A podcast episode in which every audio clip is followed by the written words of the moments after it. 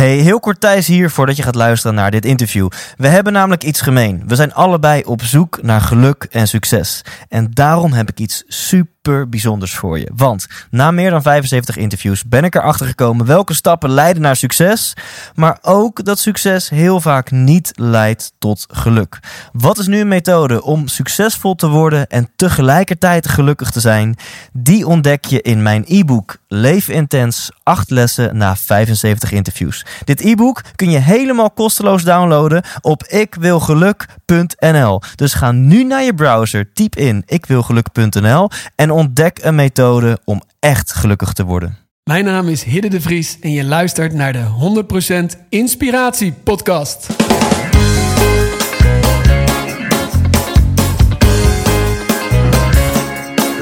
Hey, wat goed dat je luistert. Hij staat weer voor je klaar. Je wekelijkse dosis inspiratie is weer daar. De allerleukste gasten geven al hun kennis prijs. Met je veel te blije host, hij praat je bij. Zijn naam is Thijs. Thijs, Thijs, Thijs, Thijs, Thijs. 100% Thijs. Welkom. Dit is aflevering Intens 95. En eh, misschien denk je wat ik denk. Die 100 die komt, die komt aardig dichtbij. Dat, ja, dat realiseer ik me ook nu, terwijl ik dit eh, inspreek. Nou, is niet helemaal waar. Dat realiseerde ik me één minuut geleden voordat ik het ging inspreken. En toen pakte ik eens mijn agenda erbij om te kijken van ja, wanneer komt die honderdste aflevering dan online? Ja, dus volgende week 96 en dan 97 enzovoorts. En toen kwam ik uit dat op maandag 2 juli 2018, dat op die dag intens 100 het levenslicht gaat zien. En wat echt super toevallig is, dat ik die week, namelijk op vrijdag 6 juli, dan sta ik in het theater met mijn 100% Thijsshow. En die doe ik in ehm, Theater de Bali. Dat is in Hartje, Amsterdam. Ja, en ik, volgens mij kan ik hier niet onderuit. Ik moet die avond moet ik wel aandacht besteden aan het feit dat zojuist mijn honderdste aflevering is gelanceerd. Ik bedoel, ik ben deze podcast begonnen uh, twee jaar geleden in maart um, 2016. En inmiddels hebben bijna 400.000 mensen deze podcast gehoord. En dat is, dat is natuurlijk insane en ja, bizar. Dus ik weet niet wat ik ga doen. Maar als je erbij bent op vrijdag 6 juli. Ik ga tijdens die avond aandacht besteden aan het feit dat mijn honderdste aflevering online staat. Nou, ben je nieuwsgierig? Dan kun je op thijslindhout.nl kun je kaartjes kopen voor de 100% Thijs Show. En wat kun je dan die avond verwachten? Ja, dit is mijn grote droom. Mijn grote droom is om de wereld van inspiratie naar het theater te halen. Om dus de, de waardevolle stuff die je leert op seminars die duizenden euro's kosten, om die op een leuke en hilarische wijze te delen in het theater. Dus check vooral thijslindhout.nl, daar vind je een video en dat geeft je een, een impressie van hoe mijn show er aan toe gaat. Dan naar het interview. Hidde de Vries heb ik geïnterviewd en hij heeft een boek geschreven en dat heet Recharge in 7 dagen. En Recharge, dat is ook zijn brand, zijn merk. En ik denk dat energie het sleutelwoord is van dit interview. Nou, en de energie, die klotst in elk geval tegen de plinten. En wat ik zo mooi vind aan Hidde en van zijn methode Recharge in 7 dagen, dat is dat hij super super concrete tips geeft. Dus geen zweverig gelul. Nee, in deze aflevering krijg je gewoon mega concrete tips. Dingen die jij vanavond kunt toepassen. Dingen die je morgenochtend kunt toepassen. Um, hoe ga je om met verschillende to-do's? Hoe ga je om met mini-breaks? Nou, vol praktische tips zit deze aflevering om meer energie te hebben. Want ja, wees eerlijk, we zijn zo druk met z'n allen. We zitten allemaal zo erg in die red race. En hoe komt het nou dat we bijna niet meer ontspannen? En hoe kun je daar wat aan doen? Dat ontdek je in dit interview. Tot slot, ik vraag ook aan Hidden nog een aantal. Of ik stel aan Hidden nog een aantal vragen over van ja, hoe werkt het nou als je er echt doorheen zit? Als je misschien een burn-out hebt, als je overspannen bent, als je depressief bent, ja, hoe zorg je er dan voor dat je meer energie hebt. En de reden dat ik die vraag stel is, wellicht merk je dat in mijn podcast, want ik stel vaker dat soort vragen. Dat is omdat ik zelf vorig jaar ook even nou, even. Ik had vorig jaar gewoon een mindere periode. Ik zat tegen een burn-out aan. Uh, het ging uit met mijn verkering. Het ging zakelijk ook niet heel erg lekker. Ja, en toen had ik zelf een periode waarin ik, waarin ik ook weinig energie had. En waarin ik me echt even afvroeg van... Ja, shit man, nu, nu werken de, de quick fixes, en de, de- die werken nu eventjes niet. Hoe ga ik ervoor zorgen dat ik op termijn weer lekker in de flow kom en in energie kom? Ja, en ook daarvoor had Hidde best wel waardevolle tips en adviezen. Dus of je nu al lekker in je vel zit en meer energie wilt, of misschien ken je iemand of ben je iemand die nou, niet helemaal lekker in zijn of haar energie zit en dat wil je wel weer. Waardevolle tips, die ga je krijgen in deze aflevering. En als dat smaakt naar meer, dan wil ik je uitnodigen om te gaan naar thijslindhout.nl slash recharge.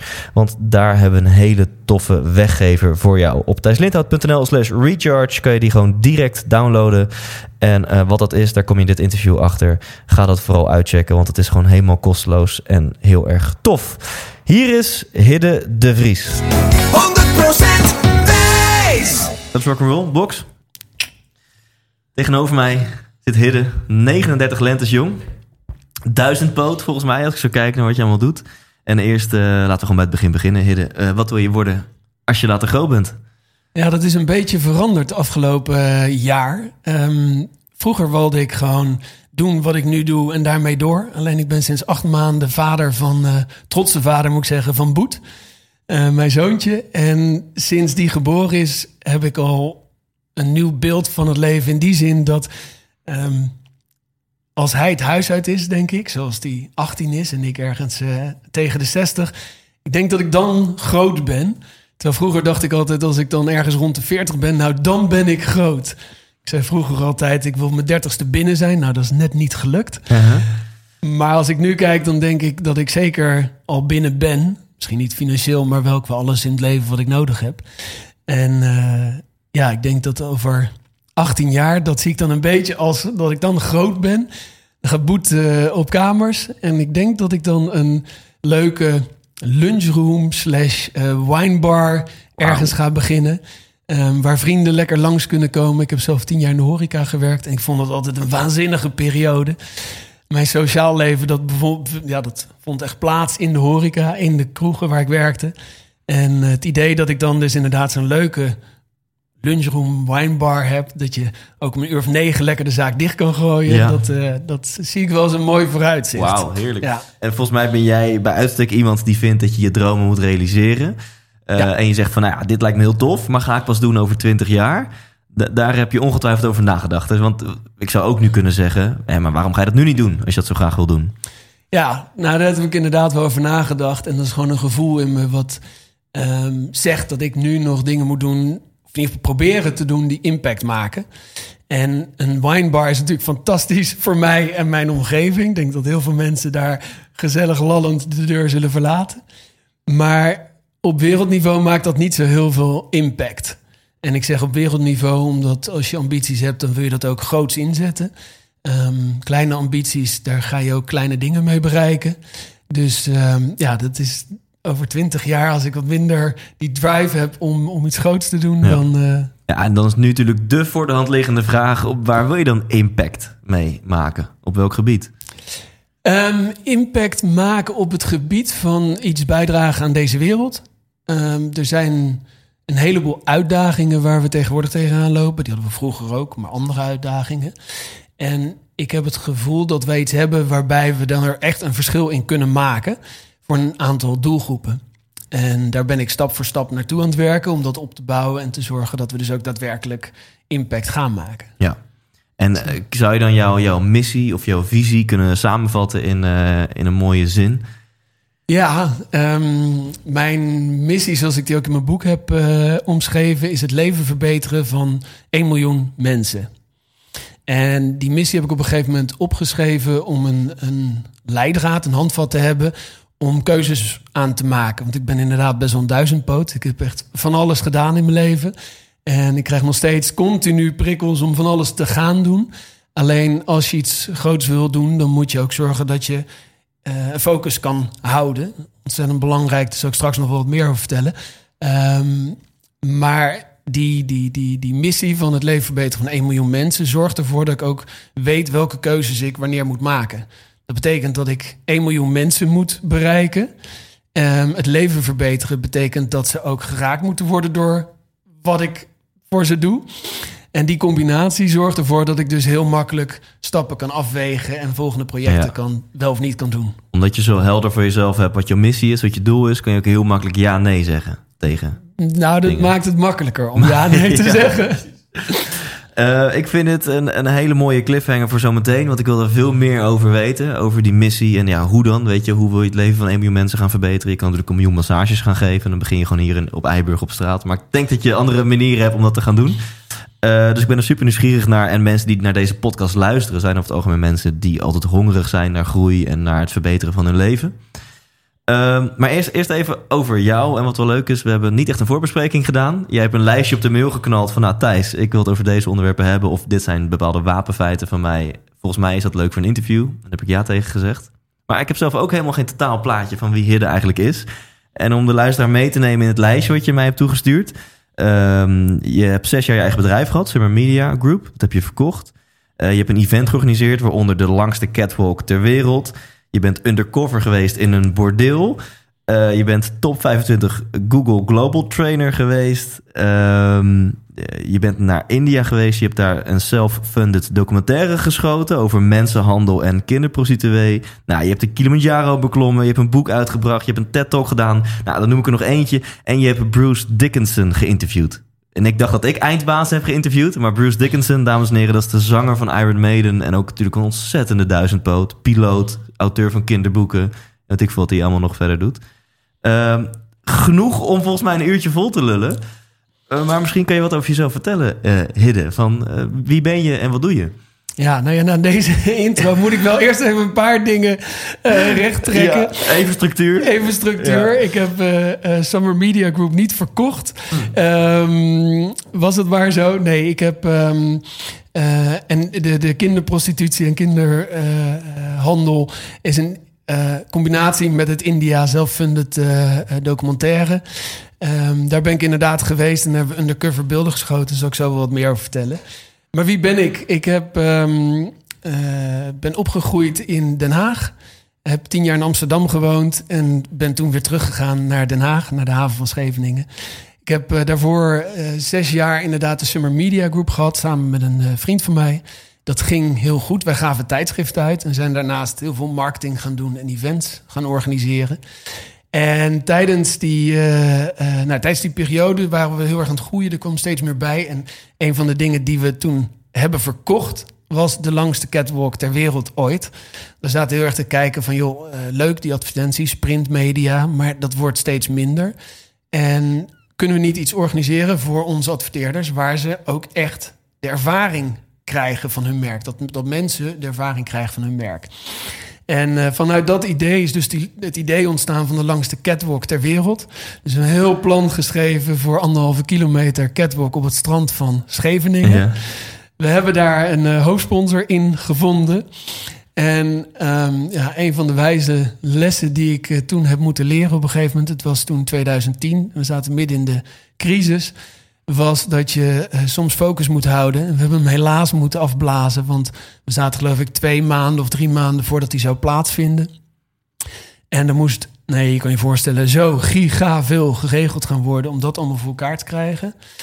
Dat was aan de ene kant. En aan de andere kant zaten we, wat ik zei, midden in de crisis. Eh, onze accountant had een burn-out gekregen aan het begin van het jaar. Eh, mensen betaalden niet meer. Wij liepen achter met zelf mensen weer betalen. En eh, toen hebben we de keuze gemaakt om hem voor dat jaar te cancelen. En nee moeten zeggen tegen dus al dat sponsorbudget wat dus al Ja. binnen was. Ehm, dat was voor mij ook een beetje een, een afscheid van de hele Summer Media Group. Omdat, ja, dat is natuurlijk het mooiste wat je kan doen. Een Ja. Guinness World Record poging Ja. realiseren. Ehm, maar we, we hadden eigenlijk eh, eh, meer problemen aan ons hoofd. Want we moesten gewoon zorgen dat we het eind van het jaar gingen redden. Ja. Nou, we hadden een ander event aan het eind van het jaar. Daar was eh, Philips de hoofdsponsor. Ehm, dus dat ging eigenlijk alles recht trekken. Ja. Alleen dat, ja, tot die tijd was zo stressvol en zo hard werken. En ik was s'avonds als ik thuis kwam, dan moest ik de administratie opnieuw doen. Want ja, die, die accountant had er een potje van gemaakt. En het was één grote, één groot drama, om het zo maar te zeggen. Ja. Alleen ik had één uitzicht. En dat was, als we dat laatste evenement redden... dan kunnen we iedereen afbetalen en dan kunnen we kiezen of we verder gaan of dat we Oh, ja. stoppen of whatever. Ja. En dat doel wat ik had, dat heeft mij ook echt door dat jaar heen gered. En je moet je voorstellen, ik kon alleen nog maar werken. En als ik dan s'avonds klaar was, dan was ik uitgeput. Dus mijn relatie liep op de klippen. Ehm, tussen mijn beste vriend en mij ging het ook even niet zo goed meer. Want we hadden allebei andere ideeën welke kant we op moesten met het bedrijf. Ja. We hadden samen dat bedrijf. Ja. En uiteindelijk eh, ehm, sliep ik bij een vriend van mij op de bank. Het bedrijf dat was bijna klaar. Ehm, geen appartement meer. En toen op het laatste moment hebben we besloten... weet je, we stoppen ermee. We zijn nu break-even. Dat print, dat is dubieus. Wil dat gaan doen? Moeten we hier wel mee verder? Tijd om andere keuzes te gaan maken. En op dat moment... eh, was het eerste wat ik dacht was... oké, shit, ik moet nu weer verder. Ik moet een nieuwe baan. Ik moet weer inkomen hebben. Ik moet een eigen appartement hebben. Ik moest heel veel. En eh, ik merkte op dat moment dat het... Ik voelde wel iets van, van stress en eh, dat het niet lekker zat. En er zat iets niet goed. Maar ja, ik moest al die dingen eerst even regelen. Ja. En toen belde een, een vriend van mij, die kreeg ik aan de lijn. En die kende ik als heel energiek en enthousiast. En nou een beetje zoals wij net binnenkwamen. En dit kunnen we. hè? Ja. En die kreeg ik aan de lijn en die zat in een burn-out. En ik weet niet of je iemand wel eens hebt gehoord die echt in een burn-out zit. Ehm, niet overspannen of er tegenaan, maar echt erin. Mhm. En ik zat aan die telefoon en ik dacht, ik moet ophangen. Ik moet hier vanaf. Ik moet dit gesprek beëindigen. Hij eh, eh, brak in tranen uit. Hij was, ehm, hij herhaalde zichzelf. Het ging tergend langzaam. Wauw. En ik herkende daar wel wat dingen in van mezelf, maar niet. Ik kon er geen. En ik zeg, joh, wat, wat is er met jou? Hij zegt, ja. Ik zal het even wat sneller vertellen dan hij het vertelde. Maar ik zit in een burn-out. En eh, ik denk, nou, die heeft gisteren een klap van de molen gehad. En eh, ik zeg, hoe lang al dan? Ja. Twee maanden. En toen dacht ik, holy shit, dat was voor mij mijn wake-up call. Dat ik dacht van, nu is het tijd om actie te gaan ondernemen en even het van koers te veranderen. Ja. Heb eh, de boel de boel gelaten. ehm, heb mijn spullen bij die vriend achtergelaten en ben op wereldreis gegaan. En tijdens die wereldreis had ik eigenlijk twee dingen in mijn hoofd. Eén, de schok van holy shit, ben ik daar dan net de dans van ontsprongen? Ehm, hoe kan dat? Hoe heb ik daar zo onbewust tegenaan kunnen schuren? En de tweede was, eh, hoe gaan we daar als maatschappij mee om? Want je ziet steeds meer welstandsziekten. Je ziet eh, steeds meer mensen die op jongere leeftijd burn-out krijgen... die echt uit het systeem liggen voor een paar maanden. Eh, met de wetenschap dat als je ooit een burn-out hebt... dat je er nooit meer volledig overheen komt. Ehm, en we krijgen het alleen maar drukker met z'n allen. We krijgen steeds meer technologie. We krijgen steeds meer zaken om ons eh, efficiënter te maken. Om ons werk transparanter te maken. Ehm, dus die werkdruk wordt alleen maar hoger. En er zijn twee extreem belangrijke dingen om eh, goed in je vel te zitten en om, om om te gaan met werkstress en werkdruk en goed te presteren. En één daarvan is zorgen dat je ontspanning hebt. Dat je rust krijgt, dat je rust pakt echt. En dat zijn we eigenlijk er steeds meer uit aan het halen. Je moet het zien als een mooi eh, klassiek stuk. Dat is opgebouwd met prachtige eh, noten en, en, en melodieën. En op een gegeven moment heb je rustruimtes ertussen. Als je die rustruimtes eruit zou halen, dan zou het hele klassieke stuk nergens meer op slaan. Ja. En dat doen wij nu met ons leven. We zijn heel druk bezig om alles Ja. op elkaar te, te plakken. Ik bedoel, ik vraag vaak tijdens mijn trainingen van... kun je nog voorstellen dat je vroeger bij een bushalte stond... en dat het enige wat je een kwartier lang had... misschien één reclameposter was die niet bewoog... Ja. en misschien met een beetje geluk dat er een eend voorbij kwam... maar voor de rest was er niks. Ja. En tegenwoordig sta je bij ro- rolerende eh abris met, eh, als je een beetje geluk hebt, nog speakers erbij. Eh er rijden auto's langs met allerlei uitingen en, en reclame. Er staan mensen, iedereen zit op zijn telefoon. Ja. Dus je bent continu, word je geprikkeld. Mensen staan op een telefoon, tijdens, eh, op een telefoon te kijken tijdens het pissen zelfs. Dus, dus Nou, zelfs no- even een toiletbezoek is geen 30 seconden meer gewoon eh, ontspanning. Nee, het is, mensen gaan zelfs, het is onderzocht, mannen gaan vaker zittend naar de wc, omdat ze dan hun telefoon kunnen checken. Jeetje, waar is de mannelijkheid gebleven ook? Nou, als we het over mannelijkheid hebben, het wordt nog erger. Ja. Eh, Tinder is natuurlijk helemaal hot en happening tegenwoordig. Ja. Eh, mensen gaan op date. Je moet maar eens in een kroeg om je heen opletten. Je ziet wanneer mensen een eerste date hebben. Ja.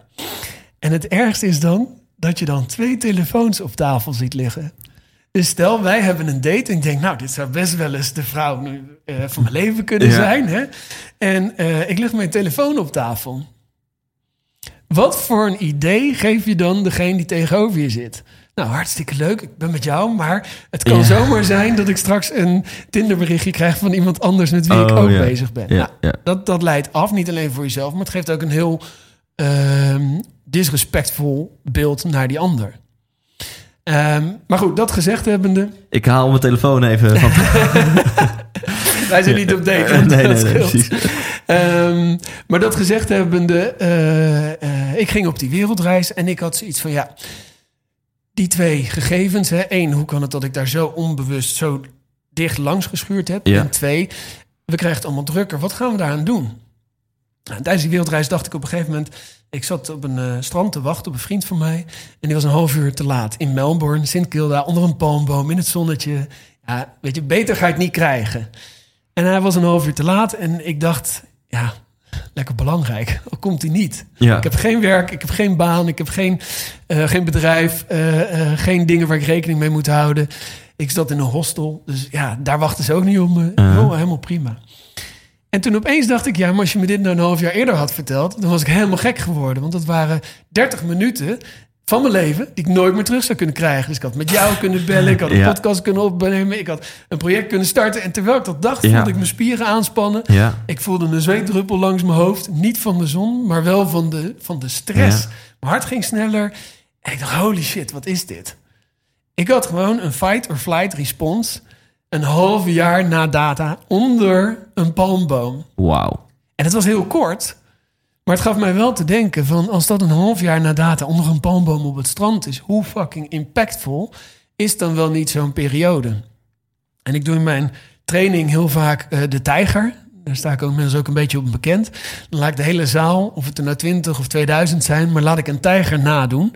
Om te ervaren wat stress in je lichaam doet. Uh-huh. En vroeger stelde ik dan altijd de vraag: Nou, hoe voel je je?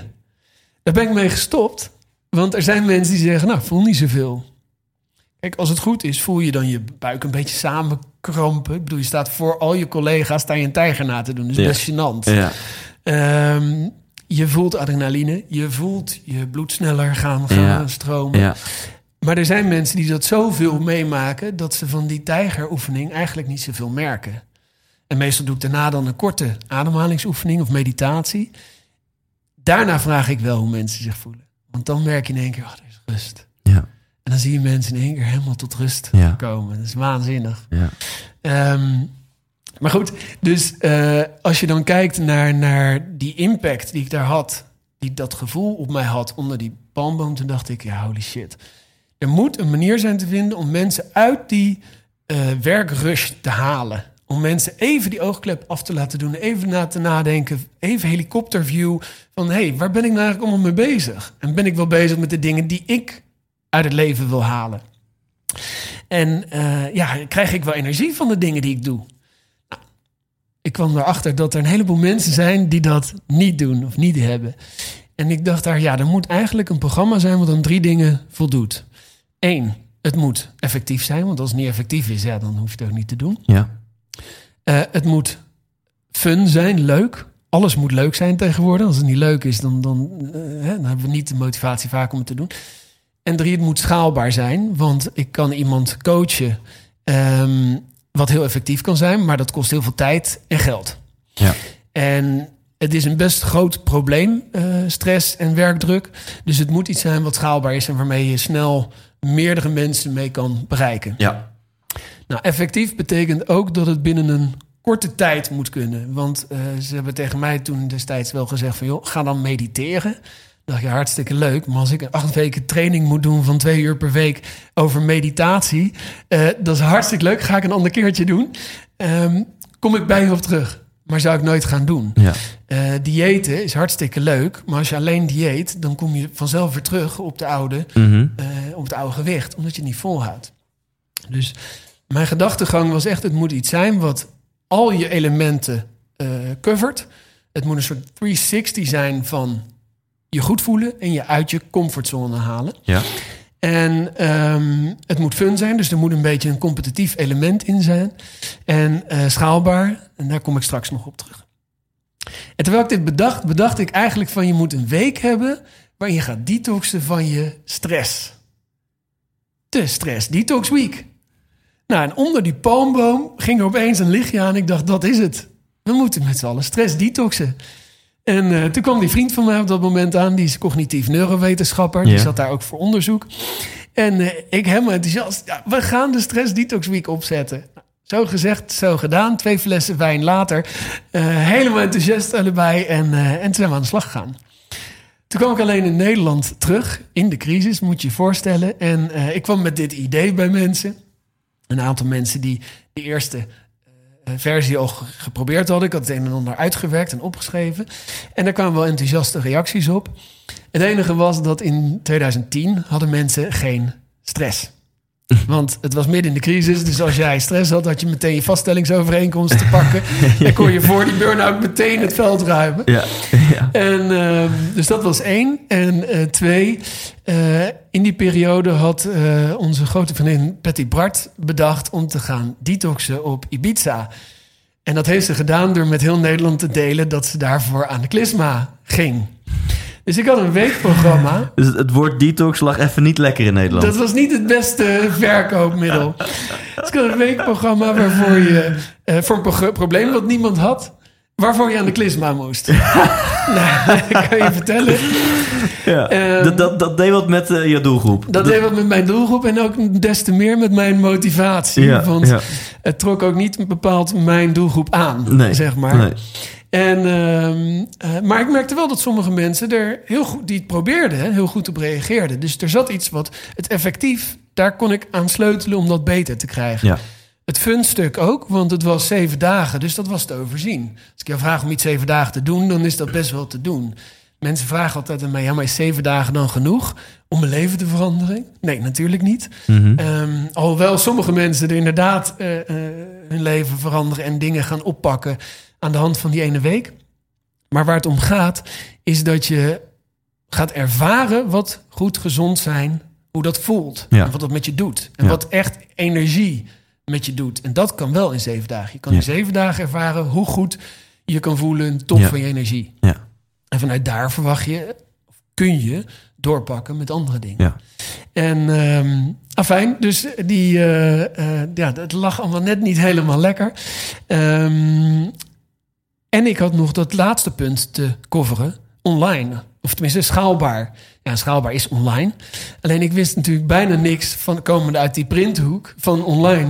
Op een gegeven moment was ik bezig en ik was websites aan het opzetten en WordPress aan het leren kennen. En op een gegeven moment merkte ik, ja, dit is zo'n groot vakgebied. Als ik hier wat mee wil Ja. doen, dan moet ik zorgen dat ik, eh, dat ik hier ja, meer over ga leren. Maar eigenlijk liever nog dat iemand me gaat betalen om, dat, om dit te leren. Dus ik moet toch weer gewoon een baan gaan zoeken. Ja, want hoe zat het gaandeweg met je, met je financiële stress? Met je bankrekening? Hè? Want je vertelde, ik had geen huis, ik had geen geld, ik had geen vriendin, Ja. geen baan. Ja, Eh, dus, dus voelde je ook gezonde stress. Van ja, het is een leuk idee, maar het moet ook wel binnen nu en zes weken geld opleveren.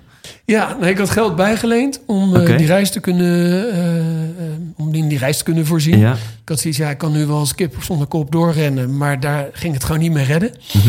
Ehm, dus ik had zoiets van, oké, ik moet realistisch zijn. Ik moet nu gewoon voor mezelf kiezen. Daar heb ik geld Ja. voor bijgeleend. En ehm, ik had voor mezelf inderdaad twee maanden de tijd gegeven... om in ieder geval een basis te hebben. En om vanuit daar dan verder te kijken... wat is dan de volgende stap? Ja. Dus heel erg stap voor stap oppakken. Nou, inmiddels zat ik op vier maanden en een strootje hout ehm, te, te bijten. Maar ik merkte wel dat ik, dat ik onwijs veel energie ervan kreeg. Totdat ik dus op een gegeven moment een programma eh, had... Waar, waarvoor mensen net een beetje de verkeerde ideeën hadden... met eh, eh, de klisma en het stress. Ehm, maar ik merkte dat er iets zat. En ik had zoiets van, ik moet hiermee verder. Nou, ik ben toen gaan solliciteren bij bedrijven inderdaad. Want het geld was inderdaad ook gewoon op. En ehm, eh, merkte dat ik daar geen energie van kreeg. Ik dacht, ja, als ik dan bij bedrijven moet gaan solliciteren... wil ik wel bedrijven waar ik ook echt energie van krijg. En ehm, op een gegeven moment dacht ik, oké, wacht even, dit wordt hem niet. Wat is nou een bedrijf wat echt in de top zit van online? Waar wil je het leren? Ja, er was toen eigenlijk maar één bedrijf en dat was Google. En ik had zoiets van, ja, oké, dan moet dat het worden. Dus ik ben gaan kijken van hoe ga ik daar dan binnenkomen? Zonder ervaring in online, zonder eh, eh, dat ik naar Amerika kan, want ik had geen green card of nou ja, Mhm. noemenswaardige achtergrond. Ehm ben via ehm, LinkedIn de recruiters gaan zoeken. Want ik kwam erachter dat ze iets van 3000 cv's per dag krijgen. Wauw. Heb een van de recruiters eh, eh, gecontact, gecontacteerd en gezegd van joh, vind je het goed als ik jou mijn cv stuur en dat jij vertelt of dat aansluit bij jullie of niet, of jullie er wat mee kunnen. Nou, en zo gezegd, zo gedaan. En zeven interviews later eh, kon ik emigreren naar, naar Dublin. Wauw. Ja, en dat was wel waanzinnig, want ja, daar ging ik zonder enige ervaring of kennis van het vakgebied naar Dublin. en wat ging je daar doen? Ik werd eh, ehm, individual contributor. Dat was nog voor de reorganisatie toen. En dat hield eigenlijk in dat ik gewoon een hele grote zak met... een heel groot portfolio met klanten kreeg. En die klanten die, eh, die, die, die eh, moest ik gaan kijken welke ja, de moeite waard waren... om, om echt flink mee... eh, Ja, en dat zijn. AdWords klanten. AdWords klanten, Ja. ja. Nou, dat heb ik, daar ben ik naar geëmigreerd. En dat was weer een change of life, om het zo maar te zeggen. Al mijn vrienden achtergelaten in Nederland en in Dublin een leven op gaan bouwen. En dat was waanzinnig. En je leert daar enorm veel. Eigenlijk alles wat ze zeggen over Google is waar. Ik zat op een soort van campus. Ik had nooit in het studentenkoor gezeten. Maar dit voelde echt alsof ik in het studentenkoor terecht was gekomen Ja. in een straal van een, eh, nou het zijn een halve kilometer om de kantoren van Google heen, woonden alleen maar Googlers overal. Dus overal op straat kom je mensen tegen. Dat is een soort van warme familie.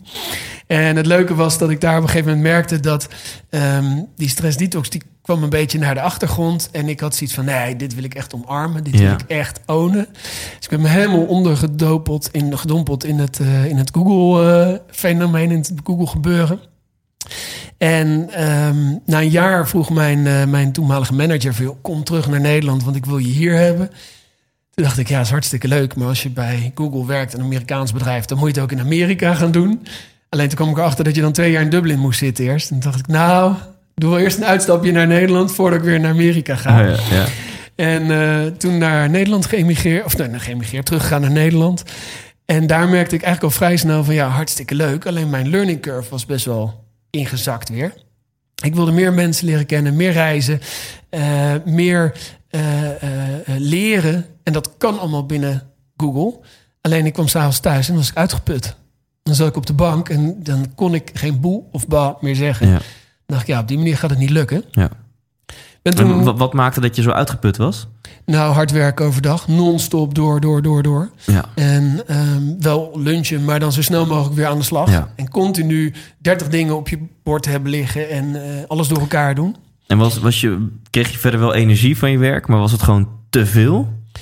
Ehm, Dus lag het aan de kwantiteit en niet de kwaliteit, zeg maar? Beide. Eh, ik kreeg eh, deels energie van mijn werk, maar eigenlijk meer van mijn nevenactiviteiten dan van mijn werk zelf. Ja. Dus als je het heel plat slaat, het daadwerkelijk het, het puur klikjes verkopen, ja, dat, dat boeide me echt niet. Nee. En ehm, ik heb binnen Google op een gegeven moment een sales training gehad van zes dagen. En die, die was door een Parijzenaar.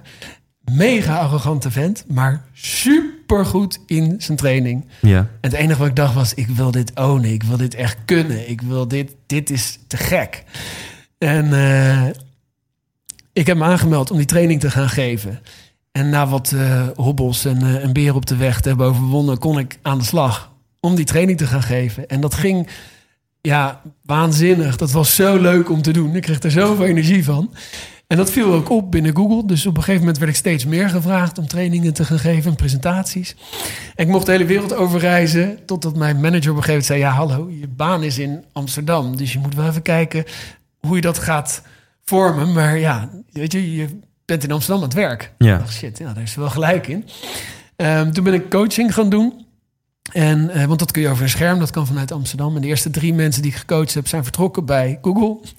ik dacht, als ik nou niet de volgende wil zijn die hier vertrekt, kan ik hier ook beter mee stoppen. Want je was een interne bedrijfscoach. Interne bedrijfscoach en intern eh, trainer. Ja. En dat deed ik naast mijn gewone werk. Ja, en, en nog even een stapje terug, want je zegt heel makkelijk, nou, ik wilde trainer worden, even wat hiccups en ik werd trainer en toen ging ik heel de wereld over. En je werd zelfs, je zat in de top 10 Ja, van de trainers van van, de sales Google. trainers. Ja. Ehm, daar, daar, ik kan wel spreken van succes, zeg maar. Hè? Het, het, het gaf je misschien niet eh, voldoening op het hoogste niveau. Nou, die trainingen geven gaf me wel Ja? voldoening. En ik merkte ook dat ik daar, daar kreeg ik energie van. En ik wilde daar telkens net een stapje beter in worden. Ja. En ik ging ook om met de mensen die daar heel goed in werden en in waren. En ik zocht ook echt die hele omgeving op. Alleen ja, toen ik stopte met die, echt dat, het echte trainingsvak binnen als eh, bijbaan, zeg maar, bij Google. Toen merkte ik gewoon dat dat, ja, dat werd minder. Ja. En eh, dan haal je die energie er ook uit. En wat maakte dat jij de beste trainer of in de top 10 trainers bent gekomen? Ehm, ik denk die passie. Ik denk echt die passie. En dat doel hebben van eh, dat je daar beter in wil worden. En alles erover lezen. En ik bedoel, ik las 's avonds ook, ik lees best veel. Ehm, ik had s'avonds naast mijn bed ook salesboeken liggen.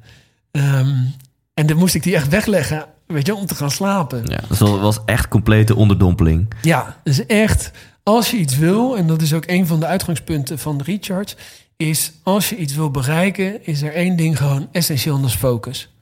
Als je niet focust, dan ga je afdwalen. En de grap is ook, op het moment dat je focust, en dit is echt een van de belangrijkste dingen die wij aanhouden binnen de Recharge-formule, en dat is focus op wat voor jou belangrijk is. En wat ook datgene is, maar als jij je focust op dat wat belangrijk is, dan krijg je daar ook energie van. Ja. En op het moment dat je die energie weer omzet in focus en niet allerlei andere dingen, en je zet die focus dus weer in op dat wat voor jou belangrijk is, dan kom je op een gegeven moment in die spiraal Ja. van eh, extra energie. Dan kom je in de flow. Ja. En er zijn heel veel theorieën over flow en hoe je daarin moet komen en doen. En dat het uitdagend moet zijn. En dat het alleen als, ik zeg maar wat, ehm, op het moment dat, dat, dat voor mij bijvoorbeeld de, de recharge, dat groeien, dat is belangrijk. Daar moet ook administratie gedaan worden. Ja. Nou, het is niet een klus waarvan ik nou heel enthousiast word. Of blog schrijven. Ja. Weet je, dat zijn dingen dat, dat kost me energie om daar echt in te komen. En op het moment dat je je daar echt op gaat focussen, dus je telefoon uit, je e-mail uit, je social uit en gewoon puur alleen maar, oké, ik ga nu dat boek schrijven of dat die blog, of die e- Eat that shit sandwich. Eat That Shit Sandwich, Kill the Frogs, gewoon echt daarmee aan de slag. Dan merk je op een gegeven moment dat je in een soort van vibe komt. En daar zit meteen ook een van de grootste eh, uitdagingen waar we tegenaan lopen tegenwoordig. Dat kost ongeveer 10 tot 20 minuten om in die flow te komen. En op het moment dat je in die flow komt, dan eh, laten we ons heel vaak snel weer afleiden. Alleen dat eerste stuk is het allerzwaarste. Op het moment dat je in die flow bent, dan, dan gaat het al meer op de automatische piloot. En dan ga je er ook lol in krijgen. Ja. En dan krijg je er energie van. Nou, wat ik al zei, als je die energie dan weer omzet in die focus, nou dan gaat dat steeds beter. Ja. En het is een beetje als de runner's high, wat mensen omschrijven. Ja. Dat je ehm, steeds meer in, eh, hoe zeg dat? Eh, steeds minder eigenlijk voelt van de pijntjes en de, eh, de, de druk op je ja. benen. Ja. Ik heb ooit de New York Marathon gelopen. En mijn doel was om die binnen vier uur te lopen. Lekker. En ik was aan het lopen en je hebt al die mensen langs de kant. En het ging als een raket. En ik voelde niks. Ik voelde alleen maar die drive om door te gaan en door te gaan. En eh, het was het eh eh, drie uur dertig, zag ik op de borden staan. En ik zag al die mensen nog. En opeens merkte ik, hey, ik ga het gewoon halen. Ik sta gewoon binnen een half uur over die eindstreep. En dan sta ik straks ergens in New York met een medaille en een glas champagne. En dan ga ik te vieren dat ik onder vier uur die New York Marathon heb gelopen. En terwijl ik daar liep, merkte ik opeens niet alleen dat goede gevoel van, die, van dat glas champagne en die, die, die medaille. Maar ik merkte ook opeens dat mijn benen toch wel zwaar begonnen te worden. En ik had een blaar op mijn voet, merkte ik opeens. En eigenlijk wat er gebeurde door mijn gedachten niet in het hier en nu te laten en niet in die flow te blijven. Want in die flow had ik nog rustig een uur zo door kunnen lopen. Maar doordat die verbrak, verbrak opeens ook mijn energielijn, Ja. mijn, mijn, ja, mijn flow letterlijk. En ik heb hem wel uitgelopen in vier uur en één minuut. Dat is Dus kut. Dat is, dat is gewoon echt kut. En hoe goed ook dat ik hem uitgelopen heb, ik ben daar heel trots op. Maar die ene minuut, Komt er nog een keer een payback? wie weet. ik vond het verschrikkelijk om voor te trainen. Want je moet echt na drie uur per dag, of per dag, maar je moet echt vaak veel en lang lopen. Ja. En dat geduld heb ik niet. Nee, nee. Ehm, maar goed, dus Maar we hebben, ik vind het wel mooi, we rollen de inhoud in. Je zegt van, eh, wat eigenlijk heel belangrijk is als je een bepaalde droom of doel of whatever hebt. En je zegt voor jezelf, nou, recharge, dat merk wil je groter maken. Je wil een miljoen mensen bereiken. Ja, er hoort ook bij blog schrijven, eh, administratie, dingen die je gewoon niet leuk vindt. En jij zegt van ja, het is gewoon heel goed om daarmee te beginnen. Dus misschien, het klinkt niet zo inspirerend, maar begin met de dingen die je niet leuk vindt. En als je dat juist met volledige focus en toewijding doet, dan kom je binnen 10 à 20 minuten in een bepaalde flow. Ja. En dan Ja. zit je ineens in de positieve energie. Ja. Nou ja, kijk wat het is. Ehm, als je echt volledig in je energie wil zitten... en als je zoveel mogelijk uit je dag wil halen... dan is het heel belangrijk hoe je die dag alleen al begint. En eh, wat heel veel mensen doen... is 's ochtends als eerste gewoon de laptop open en de mail. Ja. En dan krijg je eigenlijk een hele reactieve dag. Nou, ik, ik denk dat de gemiddeld mens binnen een minuut na wakker worden eh, zijn telefoon aan heeft. En dan of op 9gag zit, of op Insta, of op WhatsApp, of mail, whatever. Ja. Ja. En dan laat je dus eigenlijk anderen bepalen wat jij met je dag gaat doen. Want stel, ik stuur jou een mail en ik stuur... eh, joh, Thijs, ik kan vanochtend niet. Dan denk je, eh, afspraak staan en dat gaat niet. En dan ga je dan al bezig met wat er anders moet gaan gebeuren. Ja. Als jij nou zorgt dat je die eerste uur, die eerste 50 minuten van je dag gebruikt voor een klus die af moet, of iets belangrijks, of iets waarvan je weet dat het niet urgent is, maar wel dusdanig belangrijk dat je dat klaar moet gaan ja. krijgen. De, de, je- de Q2'tjes voor de COVID. eh, eh, precies, precies. kennis, de, de, de Eisenhower-matrix. Maar ehm, door je daarop te focussen, krijg je dingen voor elkaar. Jouw dingen. En dat geeft energie. En als je dan na 50 minuten je laptop even dicht doet, dan neem je even een momentje om te rechargen. Ja, dat is drie, vier minuten. Haal even koffie of ga even, loop even een rondje. En dan plan je voor jezelf een moment in dat je je mail gaat beantwoorden. Dan ben je met een veel nuchterder hoofd, ga je door die mail heen. mhm. En bepaal je, oh, dat is wel belangrijk, niet belangrijk, Ja. dat, dat, dat. En zo zijn er een heleboel Ja. tips die we, die we eh, behandelen, maar die allemaal stuk voor stuk ervoor zorgen dat je je dag effectiever en productiever Weet je, doorgaat. hoe lekker is dit? Dus je wordt wakker en eh, nou, je, je doet je ochtendritueel, wat het ook is. Hè? Dus eh, ik, ik kan aanraden om te gaan douchen en eh, je tanden te poetsen, kleren aan te trekken, ontbijtje in je, in je gezicht duwen. En daarna, nog steeds, is je telefoon, die staat gewoon nog op vliegtuigmodus. En dan klap je je laptop open of je start je, je iMac aan of whatever. En dan ga je eerst eens een taak doen waar je misschien een beetje tegenop kijkt. Iets wat echt gedaan moet worden. Iets wat niet zo dringend is, maar heel belangrijk. En na dat uur, dan gun je jezelf een tractatiemomentje. Even chargen, kopje koffie, cappuccinootje, whatever. En dan gaat rustig een keer die telefoon aan en je mailbox. Ja. Ja, als je dat voor elkaar krijgt, en ik wil niet zeggen dat het makkelijk is, het is eenvoudig. Ik bedoel, dat is waar het op neerkomt. Veel moeilijker is het niet. Alleen, het zorgt ervoor dat je de dag proactief begint. En jij bent in controle. In plaats van dat je alles over je heen laat komen. Ja. Ja. En dat is hetzelfde als met, met social media. Ja. Ehm, wij volgen allemaal mensen. We zijn heel druk bezig met wat andere mensen doen. Ja. Eh, een van de dingen in ons programma wat je echt, echt eh, gaat helpen om beter te slapen, is om negen uur alle schermen uit. Dus geen telefoon, geen tv, geen eh, laptop of Ja. iets. En dan heb ik in training wel eens wijsneuzen zitten en zeg ja, maar ik lig om, om tien uur in mijn bed. Dus volgens mij doe ik het dan wel heel goed. Dan zeg ja, maar wat doe je in je bed dan? En dan zeggen mensen, dat, nou ja, dan scroll ik nog een beetje door mijn telefoon. En dan zie ik dus hoe goed andere mensen het hebben. Of op welk feestje ik eigenlijk had moeten staan. Ja. Of ik krijg een mailtje van mijn collega waar ik me helemaal groen en geel aan irriteer. Eh, dus er gebeurt dan heel veel. En het nadeel daarvan is dat je dan dus eigenlijk ja, niet relaxed gaat slapen. Gebruik die laatste momenten van de dag nou eens even om te reflecteren op wat er goed ging die dag. In plaats van bezig zijn met alles wat je had willen doen of Ja. eh, wat je niet hebt gedaan. Weet Ja. je dat? Maar zorg eens voor dat je heel relaxed gaat slapen. En dat is nou een van die dingen. Als je dat een week lang doet, dan kom je langzaam in zo'n flow waarbij je in één keer een stuk positiever en helderder in je week staat. Ja, tof. Ik, ik ga dit proberen. Ik vind het, want dit, dit- precies wat je zegt, dit is super eenvoudig, eh, maar het is niet makkelijk. Ja. Hè, want het is eh, theorie, praktijk. Eh, ik, heb, eh, ik heb geen kinderen, dus dat maakt het al voor mij makkelijker. En ik, ik woon alleen in een studio, hè, dus ik heb in principe weinig reden om dit niet te doen. Dus ik ga dit sowieso doen. Ook leuk denk ik om mijn luisteraars uit te dagen om dit te doen. Want ik merk wel trouwens, om heel eerlijk te zijn, dat ik de laatste tijd slaap ik wat slechter. En ik ben ik nooit van mezelf gewend. Ik ben altijd van mezelf gewend dat ik, ja, als ik ga liggen, als ik mijn kussen raak, ben ik weg.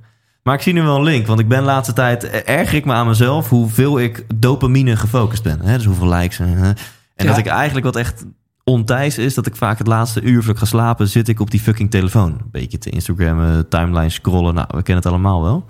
En het zou zomaar eens kunnen zijn dat daar een verband is. Dat ik slecht in slaap kom omdat ik het laatste uur voordat ik ga slapen eh, op die telefoon zit. Ja, het is wat dat betreft spot on wat je nu zegt. Ik denk dat dat voor eigenlijk alle luisteraars eh, van je podcast geldt. Eh, wij zijn allemaal ondernemend, ambitieus, hebben de grootste dromen en willen die verwezenlijken. En je kan je voorstellen, als jij de top van de berg wil halen, dan ga je heel vaak langs een klif. En ik hoor dat heel veel bij eh, grote ondernemers, maar ook kleine ondernemers, mensen met ambitie, dat ze in dit soort situaties komen als die jij nu omschrijft. Ik zal daar zo wat meer vertellen. Eigenlijk is dat ook de omslag geweest voor de recharge op een gegeven moment. Ehm, ik wilde, ik vertelde net al, ik zat eh, eh, thuis en ik wilde meer gaan doen. Alleen ik had er de puff niet meer voor. En opeens bedacht ik me dat al die dingen die in de stress detox week zaten, Mhm. als je die omdraait, dus om te voorkomen dat je stress krijgt, dan zijn dat dingen waar je heel veel energie van krijgt. En dat vond ik opeens een stuk positiever. En daar kreeg ik ook energie van. En toen ben ik eh, experts erbij gaan zoeken. Want eh, eh, ik wil geen sportcoach worden. Ik wil geen voedingsadviseur worden. Want ik wil me bezighouden met mensen meer energie geven. En mensen de tools geven, ik moet het zo zeggen, mensen de tools geven om voor zichzelf meer energie Ja. te krijgen. Ja. En ik merkte toen dat dat voor mij ook veel meer energie gaf. Dus ik heb al die learnings bij elkaar gepakt, een boek geschreven. En eh, kreeg daar zoveel goede feedback op. En zoveel energie zelf van om daarmee bezig te zijn. Dat ik op een gegeven moment de keuze heb gemaakt om, eh, om Google te verlaten. En volle bak op eh, de recharge te gaan Ja. focussen. Ja. Ik heb het toen ook omgedoopt naar de 7-day recharge. In plaats Ja. van de stress detox week. Omdat dat toch iets negatiefs insinueert. En ik ging daarmee aan de slag. En ehm, ik kwam al vrij snel op wat, op wat learnings. Eh, we hebben het programma voor het bedrijfsleven aangepast naar vijf dagen. Omdat je namelijk als werkgever je medewerkers niet iets in het weekend wil opdragen.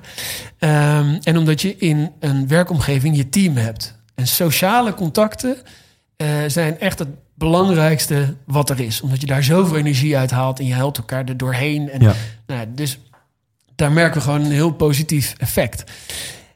En de 7-day recharge die stond. En de 5-day recharge, of de recharge 5 eh, eh, staat. Alleen wat ik merkte op een gegeven moment is de vraag die jij net stelt. Van ja, ik merk dat ik af en toe slechter slaap. En toen merkte ik op een gegeven moment van ja, die vraag krijg ik veel terug. Alleen op het moment dat je mensen dan zegt, nou dan zou je moeten rechargen. Want de recharge is echt een kickstart om je weer even naar de top van je energie te brengen. En daarna kun je weer verder op je eigen voet, op je eigen plan, hè, je Ja. eigen eh, weg. Alleen de mensen die het het hardst nodig hebben, die zeggen vaak: ja, maar ja, hartstikke leuk, onwijs kicken, ga ik doen als ik eh, tijd heb. Ja. En dat is nou juist het moment dat je denkt van... hé, hey, wacht even, jij zou het nu juist Ja. moeten doen. Ga het nou even doen. Weet je, ik heb geen tijd voor time management. Weet Ik- je wel? Dat- Precies. Ja. En ehm, we, zijn, we hebben toen en dan daarvan eigenlijk de, de, de hele... De, de, ja, hoe zeg dat? De volumeknop veranderd. We hebben, de, we hebben het programma aangepast. En we hebben het nu gericht op meer energie.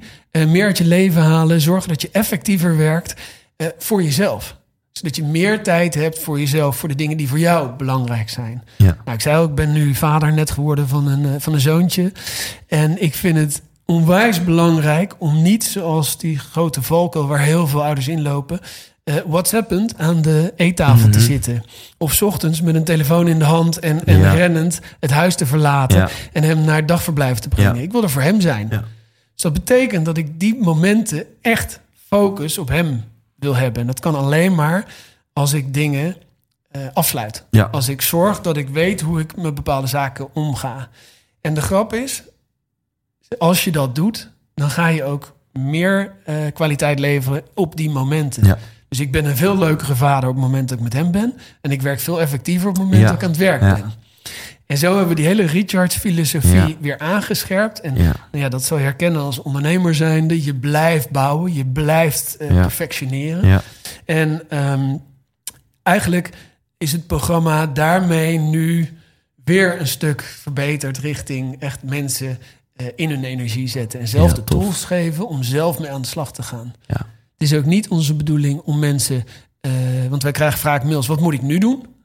Dan denk ik, nou, wat wil je nu doen? Wat ga je nu Ja. doen? Dus veel meer mensen in die, in die eh, eh, ownership Ja, stellen. ja, dit- maar dit is wat ik ook zo geil vind aan het onderwerp leiderschap. Weet je wel, persoonlijk leiderschap. Dat je zelf ook in je hoor, in je, in je tip, dat je eigenlijk heel afgebakend gefocust je tijd besteedt. Ja. Dus of je hebt ehm, eh, boet heb je in je, onder, in je arm, s ochtends. En dan ben je gewoon 100% met je zoon, met je zoontje. Niet met je WhatsApp of je telefoon. Of je bent 100% gefocust in je werk of whatever. En je hebt ook je ontspanning time. En je hebt ook je momentje op de bank met de telefoon. Maar dat, dat klinkt zoveel aantrekkelijker dat je een startpunt en een eindpunt hebt. En binnen die kaders in het moment bent. eh, eh, hoe zeg je dat zo mooi? Ehm, ja, zeg maar geaard. eh, kan misschien ook wel bij. Dat je heel Ja. erg... dat wordt toch ik present. Dat je heel erg Ja. present bent. En dan heb je je focus en je toewijding. Ehm, dat klinkt veel aantrekkelijker dan dat alles een beetje door elkaar heen loopt. En terwijl je kind op je arm hebt, ben je met je mail bezig. En terwijl je aan het avondeten zit, denk je aan eh, eh, m- weet ik veel dingen die je morgen moet doen. En, ehm, dus ja, dit, dit klinkt lekker. Nu vraag je af, komt hier ook nog een vraag uit voort?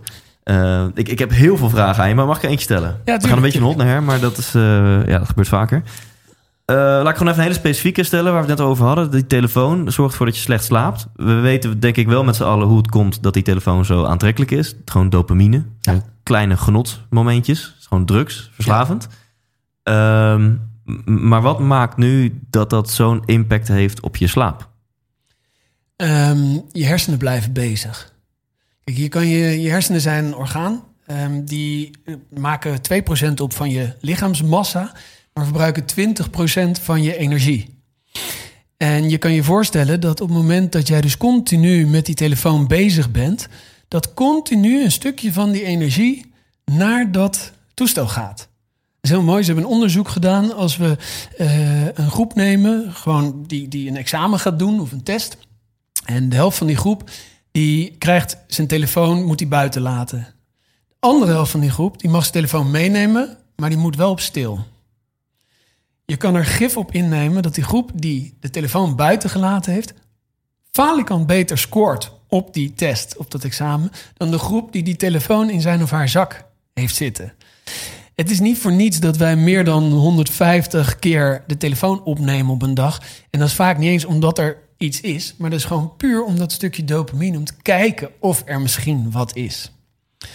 Ehm, er zijn steeds meer onderzoeken om dit te onderbouwen, maar eh, als je ook kijkt en, en hoe de, de, de grote ehm, apps en, en, en online companies ons eigenlijk verslaafd maken aan het gebruik van die apps. Hè, telkens kleine updates of goh, wie zou er nu hebben gereageerd.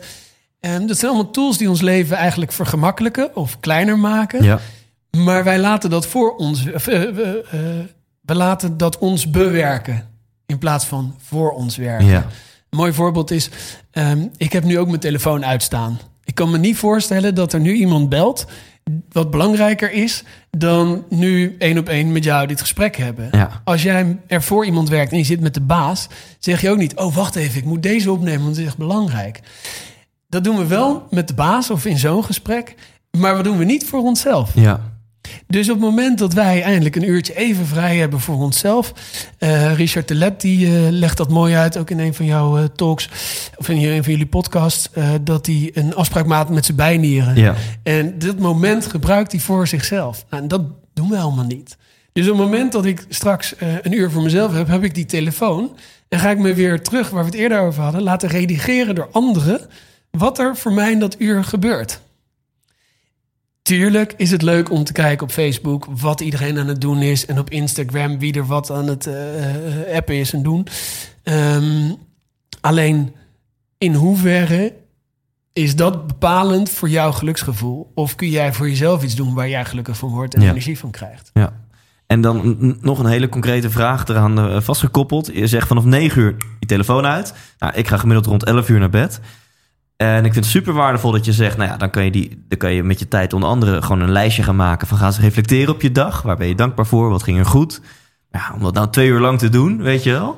Eh, en lezen, natuurlijk, dat is ook heel waardevol. Maar heb ik ook niet altijd even veel zin in. Dus mijn vraag is, ja, wat de fuck moet ik dan tussen 9 en 11 met mijn tijd doen? Weet je, ik ben drummer. Ja, ik kan ook niet gaan lopen drummen eh, s s'avonds. Ja, dat is heel grappig. We krijgen deze vraag, vraag heel vaak. En eh, meestal reageren dan ook met dezelfde antwoord van... nou, eh, ga het huis opruimen, ga een boek lezen... eh, ga eens een plan maken van waar je wil zijn. Of kijk eens naast je, nou in jouw geval dan niet, maar kijk eens naast je op de bank. Daar zit ook iemand. Misschien heeft die wel wat leuks te vertellen. Ja. En ehm, we hebben ook inderdaad regelmatig wel reacties van... zo leuk, ik heb veel betere relatie met mijn vriendin Ja. opeens weer. Ja, ja. Ehm, dat gezegd hebbende, kijk, we in de recharge zeggen we gedurende je programma, gedurende je week, zeggen we hou je nou eens even aan die 9 uur. Zet om 9 uur al je devices uit. Ehm, we zeggen sta een half uur eerder op en niet snoezen. Dan krijgen we altijd reacties van mensen. Ja, maar ja, ik heb eh, drie kinderen en eh, om half zes staan die al op. Ja, als ik dan nog eerder op moet staan, dan dat red ik niet. Ja. Het is ook niet zo zwart-wit. De recharge geeft je gewoon een stok achter de deur om dat te doen waarvan je eigenlijk wel weet dat het goed voor je is, maar het nooit voor elkaar krijgt. Alle goede voornemens, eh, of tenminste bijna geen één goed voornemen, haalt het eind van januari. Of het goede voornemen was voor de maand januari, zoals niet drinken. Ja, en dan gaan ja, mensen massaal weer aan de zuip. Ehm, dus het idee is eigenlijk van... hou je nou een week aan deze voorschriften... ervaar wat het met je doet... en in jouw geval, als jij nou merkt zeg maar van... oké, ik ga om 11 uur naar bed... 9 uur is voor mij iets te ambitieus... maar om 10 uur zet ik al mijn devices uit. Dan heb je tot 11 uur om even te unwinden. Even dat uurtje voor jezelf voordat je naar bed gaat. En heel veel mensen reageren dan ook... ja, ik merkte eigenlijk dat ik om kwart over tien al moe was. Ik ben lekker naar bed gegaan. Ja. En dat is hetzelfde. En dan kom ik weer terug bij die telefoon.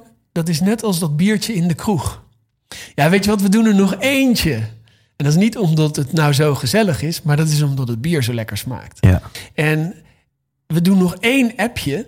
Dat is eigenlijk dat, dat moment dat je denkt van ja, het hoeft eigenlijk niet meer. Maar die kleine kick Ja. van dopamine Ja. zorgt ervoor dat je langer opblijft. Mensen die, die, die binge-watchen, die, die Netflix. Oh, nog één serietje, nog één serietje. Als je dan vraagt, was het echt zo goed? Nou, dat viel wel mee. En we gaan dus voorbij aan dat moment dat we eigenlijk echt moe zijn. En dat is de grap. Mensen gaan dus opeens een stuk eerder naar bed... en worden echt fluitend voor hun wekker wakker. Wauw. Nou, als, als dat bij mij gebeurt, dan, eh, dan kom ik een taart bij bezorgen. Laat ik zo mijn adres vast Weet je achter. Dan, eh, Ja, ja, want als je de, de, de wetten van, eh, van ja, met energie wakker worden erop loslaat, dan zou ik echt een heel depressief leven moeten hebben. Want ondanks dat ik echt zoveel dingen doe die ik leuk vind, ochtenden, I don't know. Als om zeven uur die wekker gaat, heb ik nog nooit met een glimlach, ben ik nog nooit met een glimlach wakker geworden. Leuk, Dus jij we gaan- mag hem proberen en dan gaan we, kijken wat dat eh, doet. Ja, Ja. ja. heel cool. Ehm, dus jij zegt, want dat is denk ik de achiever-gedachte in mij en in heel veel andere mensen. Ja, fuck, ga gewoon twee uur tijd weg. Gewoon elke dag twee uur van mijn kost. Ik had er niet twee uur, weet je wel. Kan ik, kan ik eh, de- de- nog mailtjes doen, ik kan nog werkdingen doen, ik kan nog blog schrijven, weet ik veel wat. Eh, met mensen bellen, facetimen, I don't know. Ehm, maar jij zegt, ja, ten eerste, ehm, je gaat die twee uur gewoon heel waardevol benutten met andere dingen. Met me-time of connectie met je, met je dierbaren. Eh, ten tweede, je gaat waarschijnlijk eerder naar bed. Want mogelijk dat je na een uur zo denkt, oh, ik ben wel moe. En ten derde, die gok ik dan zelf eventjes. Doordat je dit doet, slaap je beter, slaap je dieper... en ben je de volgende dag gewoon veel productiever. Ja. Dus die twee uur, die krijg je gewoon keihard terug. Ja. In positieve zin. Het is mooi, precies wat je zegt. Ik als achiever. En dat doen we vaak. Dus we werken vaak hard om, eh, omdat we denken, als ik nou heel hard werk, dan, dan red ik dat allemaal. Dan kom ik er en dan, dan, hè, dan, dan verzet ik bergen. Ja, Alleen er is een verschil tussen, eh, laat ik noemen, achievers en performers. Want als jij namelijk je tijd heel effectief indeelt, krijg je veel meer voor elkaar dan als je maar door beuk, beuk, beukt. En dat was die learning die ik op een gegeven moment bij Google had. Dat ik s'avonds thuis kwam en echt uitgeput was. En Ja. niet het idee had, niet het gevoel had dat ik nou echt heel veel productiefs had gedaan. ja. Een heleboel voor andere mensen gedaan. Een heleboel eh, eh, eh, ja, bergjes verzet. Maar het was niet één grote berg waar ik mee aan de slag was. En op het moment dat jij je tijd effectiever gaat indelen... Kijk ook naar dat onderzoek wat ze hebben gedaan in Zweden... Met die zes-uurige werkdag. Op het moment dat jij je tijd echt effectief indeelt... dat jij telkens focust, blokken van 50 minuten. En dan puur focus op dat wat je aan het doen bent... En dan daarna kun je even de losse dingetjes doen. En dan weer 50 minuten vol focus. En daarna, dan krijg je veel meer voor elkaar. En dan ga je echt prestatie leveren. Ja. In plaats van dat je non-stop aan het doorrazen bent. Ja, en, en nou heb ik gewoon een hele persoonlijke vraag. En ik Ja. denk, ik kan hem bewaren, maar ik heb nu in mijn kop. Dus vertel hem maar meteen. Ik heb best wel veel projecten. Ik hou heel veel ballen in de lucht. En Ja. dat, dat moeten veel mensen herkennen. Want eh, ja, als je naar deze podcast luistert, dan weet ik een beetje eh, wie je bent. Dan ben je hongerig naar meer en groei in het leven. En dan doe je waarschijnlijk ook gewoon veel. Dus ik heb bijvoorbeeld, ik heb net een nieuw project gelanceerd. Dat heet avgsnel.nl. Omdat ja, mijn Ja. bedrijf zit in de compliance. Dus met avgsnel.nl bieden we dan iets aan dat bedrijven in één dag aan die AVG kunnen voldoen. Maar dat ligt op mijn bordje. Ik eh, ben binnen mijn bedrijf, de CO2-adviseurs, ben ik een gemeenteplatform aan het oprichten om gemeentes te helpen bij CO2-reductie. Met mijn stichting, Nederland CO2 Neutraal, hebben we over twee weken een event. Nou, daar doe ik de marketing voor. Eh, dan heb ik met kerst heb ik een grote kerstactie Rocking Up Christmas. Daar zijn we nu mee begonnen, omdat ik de Flint in Amersfoort heb geboekt voor een groot benefiet. Dus die benefiet moet 750 Ja. kaarten verkocht voor worden. En dan heb ik dus mijn podcast. Elke week een interviewtje. Andere mensen bellen, regelen, mailen, lobbyen, likken om nieuwe interviews te regelen. Mijn theatershows over zes weken die we ook vol hebben. En, eh, en ik ben mijn website thijslindhout.nl ben ik aan het rebranden. Nou, volgens mij waren dit er zes of zeven of zo. En dan is mijn vraag aan jou van... eh, ehm, wat ik dan heel moeilijk vind... Ik, kan prima mijn agenda blokken... en het lukt me nou, middelmatig om me daar aan te houden... Eh, maar het is natuurlijk nooit af, want je maakt een stukje progressie en morgen is weer een dag of volgende week is weer een week. Maar ik heb heel veel moeite zelf en ik denk dat mensen het wel herkennen in mijn hoofd om dan en die, wel die voldoening te ervaren en om ehm, ook een beetje vrede mee te hebben dat je altijd die volle to-do-lijst hebt. Die zes, zeven projecten, die heb ik over een maand nog steeds, over twee maanden nog steeds. Ja. Dus, dus dat is, ja, je hoort hier wel een vraag in, denk ik. Hè? Hoe ga je dus om met die verschillende ballen in de lucht houden om daarin gewoon dus echt, eh, hoe noem je dat zo mooi, om daarin een, een, niet een achiever te zijn, maar een Performer. performer. Ja. Nou ja, de vraag is sowieso, als ik je dit al hoor omschrijven, krijg ik het al een beetje benauwd. En ik herken het, hè, want precies hetzelfde met zoveel dingen die je wil doen. En, en eh, ehm, een van de meest snijende eh, opmerkingen die ik de laatste tijd kreeg, was van mijn collega Yvonne. En die zei, ja, je moet wel keuzes maken. En ik bedoel, ik wil niet zeggen, I live this shit, maar ik geloof er heilig in. Alleen, zij zei op een gegeven moment, kill your darlings. Ja. Toen dacht ik, ja, dat is hartstikke leuk. Maar niet die, die, die, die en die en die. En eh, die theatershow, die moet ook. Alleen, dat is goed als je daar vrede bij hebt. En zolang jij dat helemaal kicken vindt en, en, dat, en dat lukt... dan moet je dat vooral doen. Maar ik hoor ook bij jou zit... En ik ken elkaar niet, maar ik denk niet dat jouw grootste kracht ligt in structuur en het productionele stuk. Maar wel bij het uitdenken van het idee en het mensen daarvoor enthousiasmeren. En te zorgen dat, eh, dat het gebeurt. Ja. De theatershow, eh, waanzinnig. Dat eh, AVG, wat was het, in één dag. avgsnel.nl. Ja. een beetje reclame. ja. Maar het is toch briljant? ja. Alleen op het moment, en dat is een mooi voorbeeld, hè, op het moment dat jij die AVG snel.nl zelf zou gaan uitwerken, zelf het programma zou gaan schrijven, zelf daar op de bühne zou gaan staan, zelf de, eh, de, de, de sales daarvoor zou gaan doen, dan ga je dat andere ding niet redden. Maar als jij nou zegt, hé, hey, ik vind dit onwijs kick, ik schrijf dit op, ik werk dit uit. En wacht eens even, eh, Pietje heeft een bedrijf met trainers en Klaasje die doet heel goed marketing. Jongens, zullen dit met z'n drieën vorm gaan geven? Ik ben het gezicht of ik ben de, de- ik heb het concept. Jij pakt dit stuk, jij pakt dat stuk. Kijk, en dan kun je het opeens gaan neerzetten. Heb je er feitelijk, nou ja, geen omkijken is natuurlijk een illusie, maar eh, kun je veel sneller schakelen. En kun jij door met AVG 2.0 sneller.nl. Ja, ja.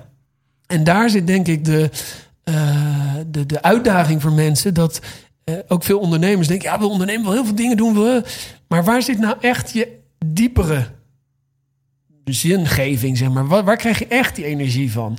En wat gaat jou, wat moet je er daarvoor doen? En als je daarop gaat focussen. Ja, dan kun je mega dingen doen. Kijk naar bijvoorbeeld, hadden het er net over Tony Robbins, wat die allemaal doet. ja.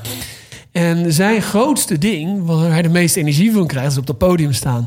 Ja. Is mensen die energie, die vibe geven. En dat doet hij gewoon fenomenaal, als geen ander. Maar continu is hij zichzelf daar nog op aan het trainen. En, en is hij bezig om dat te verbeteren. En krijgt hij les daarin. En wat ik al aan het begin zei, die dompelt zich echt onder in die, in die kennis, in die materie ja. continu aan het verbeteren. En daar wordt hij dus ook heel goed voor. En je ziet nu zelfs, ik geloof dat zijn podcast wordt al door iemand anders gedaan. Ja. En zijn shows worden, eh, zijn andere mensen die invliegen omdat hij zijn stem gewoon eh, aan het Ja. verliezen is. Ja. En dat hele imperium, dat is aan het groeien, groeien, groeien. Ehm is een van de meest geslaagde, succesvolle businessmensen van Amerika ja. misschien wel van de wereld. En dat gaat hij natuurlijk nooit bereiken als hij zelf al die facetten nog doet. Als hij zelf al die mensen belt voor dat kerstinitiatief wat hij doet met die, met die maaltijden bezorgen. Ja. Als hij zelf al die kleine losse dingetjes doet. Ja. Focus echt op wat voor jou belangrijk is, want daar krijg je energie van. En werk die energie weer richting die focus. Ja, ja tof. Dan kun je grote stappen maken. Ja, dus jouw uh, rechtstreekse feedback voor mij is, is één, kill your darlings. Van, dude, het zijn gewoon te veel projecten. Hè? En uh, dat heb je tegen mij en tegen de mensen die luisteren, denk ik. En nou ja, hier hebben we het over gehad. Word ik gewoon uh, gebeld tijdens een interview. Professioneel, Thijs. Ik zet mijn verplichtingsmodus. ik heb nodig voor Instagram zo. Hè? Ik heb een excuus. Ik, ik heb een excuus. Ja. Hè, dus, uh, en, en, en tip 2 is, uh, en die geldt denk ik voor mij en voor veel ondernemers. Als je die vrijheid hebt van hey, kijk hoe je het zelf kan opzetten. En dan wup, andere mensen erop, dan kan jij verder. Dat jij niet zelf al die touwtjes in handen hebt continu. Uh, en, en, los daarvan is een soort van algemene, algemeen advies hoe je omgaat met gewoon meerdere projecten in je leven. Om dan toch nog focus te houden binnen die projecten en progressie te boeken. Ja, Kijk, we willen tegenwoordig allemaal de beste partner zijn. We willen de uh, leukste ouder zijn. Uh, we willen de perfecte social timeline. We willen de uh, promotie maken. En dan, of als we ons eigen bedrijf hebben, willen we bergen verzetten. Dat kan simpelweg niet allemaal.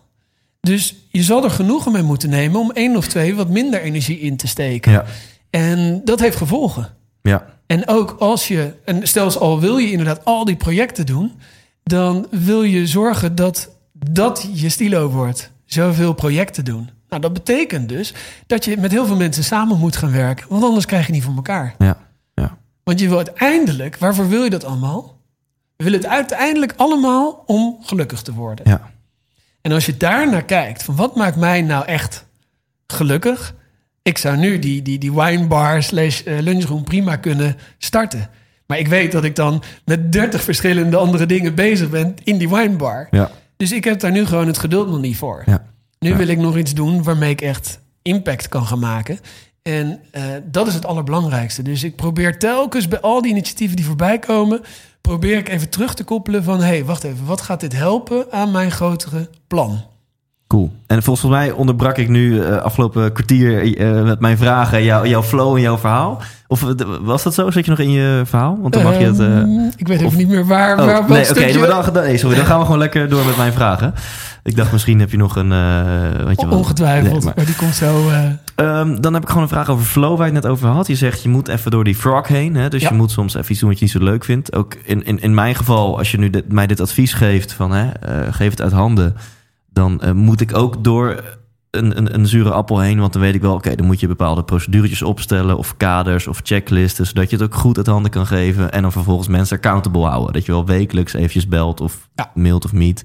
Ja, dat is, dat is structuur, dat is niet mijn kracht. Dus ik moet even door die shit sandwich heen van... stel nou die fucking checklist op, heb het daar met iemand over... geef hem die checklist en plan wekelijks een call in... en hou je aan die fucking wekelijkse call.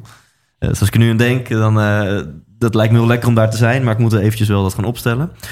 Uh, maar mijn vraag die komt nu. Ja. Hoe, hoe, verhoudt zich dat tot... Je hebt ook theorieën die zeggen... ja, maar je moet gewoon juist zo erg uh, één zijn met je, met je intuïtie en je lichaam... dat als jij op dit moment geen zin hebt om die procedure op te stellen... of jij hebt nu geen zin om dat blog te schrijven... of jij hebt nu geen zin om bij administratie te gaan... ja, dan doe dat dan ook niet. Zorg ervoor dat je gewoon float en doe maar dingen waar je nu wel zin in hebt. Ja, dat is uh, nou, twee, twee kanten aan eigenlijk. Aan de ene kant, ja, als je nu echt geen zin daarin hebt, dan uh, doe het niet. Maar weet wel dat het moet gebeuren. Dus het vervelende is, um, als ik het bekijk bijvoorbeeld naar een blog schrijven, dan uh, begin ik en dan denk ik, ja, ik heb hier echt helemaal geen zin in.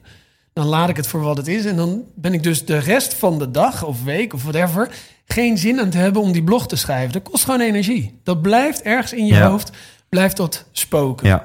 En ehm, daarom zeg ik, je kan het beste de dingen die je heel vervelend vindt, maar van je weet dat ze moeten gebeuren, gewoon als eerste tackelen. Want daar krijg je ook een stukje dopamine van. van. Yes, het is klaar. Oh, Ja. het ellendige ding kan ik Ja. Oftewel, er zijn bepaalde taken waarbij nooit het moment zal komen dat je er wel zin in hebt. Dat je gewoon weet, er komt nooit een moment dat ik zeg, oh, maar ik heb nu zin in om, eh, om eh, mijn boekhouding te doen. Klopt. Ja. Dus doe het dan maar zo snel mogelijk. Dan kun je het beter zo snel mogelijk doen. Ja. Want eh, dat zijn de dingen waarvan je denkt van ja, dat, het moet toch gaan gebeuren. Ja. En is dit niet de iets minder inspirerende waarheid dat hè, als je echt succes wil bereiken, op welk gebied dan ook, dan moet je dus ook bovengemiddeld in staat zijn om dingen te doen die je niet leuk vindt. Hoe contra dat ook klinkt. Ehm, deels. Want de, hè, je kan ook zorgen dat die dingen die je niet leuk vindt, dat je dit zoveel mogelijk uitbesteedt. En dat betekent waarschijnlijk dan kosten of uh, uh, autoriteit weggeven of nou ja, noem het maar op. Maar uiteindelijk zul je altijd dingen moeten doen die wat minder leuk zijn. Perfectie bestaat niet. Want op het moment dat het perfect is, is het saai. Ja. Dus perfectie is een illusie. Alleen op het moment dat je weet van hé, hey, dit is dat onderdeeltje van dat grote doel wat ik heb, dan wordt het al iets heel anders. Een van mijn, uh, misschien is dat wel aardig om te vertellen, een van mijn grootste dromen is een programma maken voor een specifieke doelgroep. Kijk, wij zijn de fortunate few. Hè? Wij uh, werken te hard, wij zijn te ambitieus, wij uh, uh, gaan te lang door, wij eten te veel. Dan hebben we een programma nodig, à la de recharge, wat ons dan helpt om met beide benen weer even op de grond te zijn, ja. waarna we weer vol door kunnen. Ja. Nou, dat is natuurlijk een hele grote doelgroep die dat voorrecht niet heeft. Die gewoon geen energie meer heeft, geen puff. En wat je bij de recharge probeert te bewerkstelligen is gedragsverandering. Ervaren hoe goed het voelt om gezond te zijn. Ik kan een uur vertellen over hoe goed sporten voor je is. En dan kom je misschien thuis met... oh, nou, dat sporten dat schijnt helemaal je van het te zijn. En je stort neer op de bank, gaat tv kijken. Ja. Pas als ik je mee zou nemen een uur buiten sporten... dan ben je uitgeput, dan heb je andere energie. Dan denk je, shit, ja, dit is kicken. Ja. Dus die ervaring is essentieel voor gedragsverandering. Dat is wat we met het programma proberen te bewerkstelligen. Die gedragsverandering is ook essentieel voor mensen die bijvoorbeeld uit chemotherapie komen. Die zijn helemaal leeg. Die hebben gewoon geen puff meer. En een paar jaar geleden kwam een vriendin van mij naar me toe. Die zei, Heer, mag ik het programma een keer proberen? Nou, natuurlijk. En um, die vertelde dat zij borstkanker had gehad en chemotherapie. En ze vertelde, hè, aan de hand van wat ik erover had verteld... van joh, dit, dit klinkt als een perfecte oplossing hiervoor. Ja. Ze heeft het programma doorlopen... En ze kwam helemaal lyrisch terug. En ze zei: Ja, dit had ik toen echt nodig gehad. Iets, iemand, een, een programma wat me even aan de hand neemt. Door die wirrewar van content en informatie. En die ervoor zorgt dat ik, dat ik weet welke stap ik moet doen. Gewoon heel plat, simpel. Niet alle informatie eromheen, maar gewoon heel erg down to earth. En gewoon: Oké, okay, pak nu een appel. Ja. Neem nu een banaan. En um, dat triggerde me. En toen dacht ik opeens van, ik heb altijd wel veel voor het goede doel gedaan, maar dit triggerde me van, hey, met dit programma kan ik dus een wezenlijk verschil gaan maken. Nou, dat is een van die dingen. Um, ik kan met mijn achtergrond niet een programma maken voor mensen die uit chemo komen. Dat zou nergens op slaan. Ik heb daar de kennis niet voor. Nee. Dus ik ben al heel lang bezig met het opbouwen van een consortium van partijen die daarbij kunnen ondersteunen. En die daadwerkelijk de goede en juiste invulling kunnen verzorgen. Nou, die heb ik nu inmiddels gevonden. Daar ben ik al 2,5 jaar mee bezig. Um, inmiddels heb ik wel informeel al een aantal mensen die uit chemo zijn gekomen het programma laten doen. Al die feedback verwerkt en gedaan. Dus er staat al heel wat. Um, en nu kunnen we eindelijk met die partners officiëler gaan werken aan een variant voor mensen die uit chemo komen. Dus in Ja. alle bescheidenheid, jouw recharge-concept werkt zo goed dat het ook voor mensen die uit de chemo komen een, een eh, effect heeft positief. Ja, het kan voor mensen, laat ik daar voorzichtig in zijn, Ja. want de hele wetenschappelijke wereld is een hele andere tak Ja. van sport. Maar Ja. het kan mensen daadwerkelijk helpen Ja. op het moment dat ze dus uit chemo komen. Want in principe is dat met je boek wat je mensen vraagt: van ga nou eens die zevendaagse recharge doen. En, en wat fijn hieraan is, is dat jij gewoon stupid, simpel, gewoon echt de how, die geef je ook gewoon mee. Hè? Want dat is vaak het moeilijke. Van inspireren Ja. is makkelijk, maar dan de how-to vinden we lastig. En de how-to staat hier gewoon in. Zoals vanaf 9 uur je telefoon uit, dat soort dingen. Ja. De uitdaging is vaak dat we heel veel informatie hebben. En er is heel veel beschikbaar. En we weten eigenlijk allemaal wel wat goed voor ons is. Alleen Ja. we doen het gewoon niet. Want we hebben het te druk. Of even geen, eh, geen zin in. Of, Ja. eh, Ja. En ja, daarbij helpt het programma. Het slaat het helemaal plat. Ja. En geeft je eigenlijk alle handvatten om daarmee aan de slag te gaan. Hey, en is nou die week er ook gekomen? Is dat iets wat je aanbiedt, de Recharge Week? Of heeft dat gewoon plaatsgemaakt voor een boek waarin je mensen vertelt hoe ze het zelf nee, het is, een, het is echt een daadwerkelijk online programma. Ehm, we zitten ook al bijna op het eerste procent van dat doel van die 1 miljoen mensen. Ja, Ehm, we zetten het uit bij bedrijven. Eh, we hebben bij KLM, bij Google, eh, Facebook. Ehm, dus we hebben best wel veel al bereikt. ja, En ehm, ja, de volgende stap is nu echt om dit verder te gaan schalen. Wauw, vet. Ja, Jeetje man, ik, ik, ik heb nog zoveel vragen aan je. We zouden wel eigenlijk nog uren hier kunnen zitten. Maar mag ik er nog een paar stellen? Ja, tuurlijk, tuurlijk. Ja? Want je zegt we bij de grote, toffe, hippe bedrijven... KLM, Google, Facebook, Microsoft, KWF, RTL. Nou, ik lees gewoon voor, natuurlijk. Ik heb speakbrief hier. Maar eh, eh, hoe gaat zo'n programma? Als je bij zo'n grote, hippe corporate binnenkomt... en je gaat eventjes de recharge filosofie ga je daar eh, implementeren. Hoe gaat dat te werk? Nou, eigenlijk precies wat ik net zei. We proberen het zo simpel mogelijk te houden. Dus je kan het zien als een health week. Tegenwoordig gaan de health weeks meestal zo. eh, er wordt aangekondigd dat er een health week is. Dan kun je tijdens die week een eh, meditatietraining volgen of een eh, bootcamp. En met een beetje geluk is er een stoelmasseur die binnen vijf minuten is uitverkocht. En voor de rest is dat wel een beetje de health week. Mm, misschien wat fruit nog hier en daar. Ja, Maar dat is een beetje zoals dat eh, uurtje vertellen over sporten. Ja. Je moet het zelf doen. Je moet het echt zelf ervaren. En de recharge is zo opgesteld dat je die week echt aan de hand van je, van je, van je scorekaart dingen gaat doen waarvan je weet dat die goed voor je zijn. En doordat je die met z'n allen doet, zeker binnen een bedrijf, doordat je die met collega's doet, ja, eh, krijgen mensen ook eh, veel enthousiastere, gaan veel enthousiaster meedoen. Dus mensen starten appgroepjes om elkaar te vertellen Ja. wat voor een gerechten ze hebben gemaakt. eh, hoe zwaar 's ochtends de oefening was, de warming-up, hoe ze dingen beter kunnen doen. En opeens merk je dat vitaliteit, energie, positiviteit, dat gaat leven binnen zo'n organisatie. En er komt opeens een hele andere vibe. En het wordt opeens een heel geaccepteerd gesprek. ja. En terugkomend op die mensen die misschien net even iets te hard werken en er tegenaan zitten of tegen een burn-out aan of burn-out symptomen hebben, die mensen worden ook opeens op een positieve manier getriggerd. Hé, hey, wacht even. Die zitten vol energie, die, die hebben een, een grijns op hun gezicht. Wacht even, is dit niet iets wat ik ook even wat ik hier nou eens tijd Ja. voor zou moeten maken? En dat is het leuke. Je merkt gewoon dat er iets gebeurt binnen zo'n Ja. organisatie. Want laatst iemand bij KLM die mee had gedaan en die is gewoon weer gaan studeren.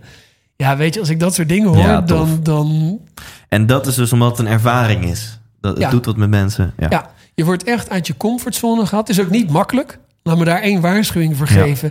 Ehm, we krijgen vaak, en dat is meestal in het meer gestreste hoekje, eh, mailtjes van mensen. Ja, en het was heel veel werk en ik moest allemaal van alles. En, eh, terwijl we aan de andere kant mailtjes krijgen van mensen en reacties van... oh, het was echt fantastisch. De eerste paar dagen zijn een beetje afzien. Maar daarna ga je je energie voelen. Ja. En dat is ook zo. Die eerste paar dagen zijn gewoon zwaar. Ja. Je moet patronen doorbreken. Je moet eh, andere voeding ga je tot je nemen. En dat wil niet zeggen dat we vinden dat het andere slecht is.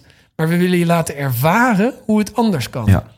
En je kan, want dit- is voor veel mensen een gevoelig punt. Je kan ook een cherrypicking doen, denk ik. Dat je zegt, nou ja, dat voeding, dat doe ik even niet. Maar ik pak wel al, al die andere tips. Klopt. Ehm, en dat gebeurt ook. Dat zien we ook terug. En dat kun je niet voorkomen. We kunnen mensen niet verplichten om eh, geen vlees te eten. Of verplichten om een half uur eerder op te staan. Maar we kunnen mensen wel tips geven, adviezen. En ze helpen om eh, die stukjes te Ja. incorporeren in hun leven. En zelfs al doe je maar een klein beetje ervan. Of eh, mensen die soms maar twee dagen meedoen. Zelfs dan haal je er iets uit Ja. waarvan je denkt van... hé, hey, hier kan ik mee verder. En het nummer één ding waardoor dit slaagt of faalt, is eh, volgens mij één woord. Dat is discipline. En dat geldt voor meerdere dingen in het leven. We weten allemaal zelf wel heel goed hoe we onze relatie misschien succesvoller kunnen maken. Hoe we gezonder kunnen, whatever.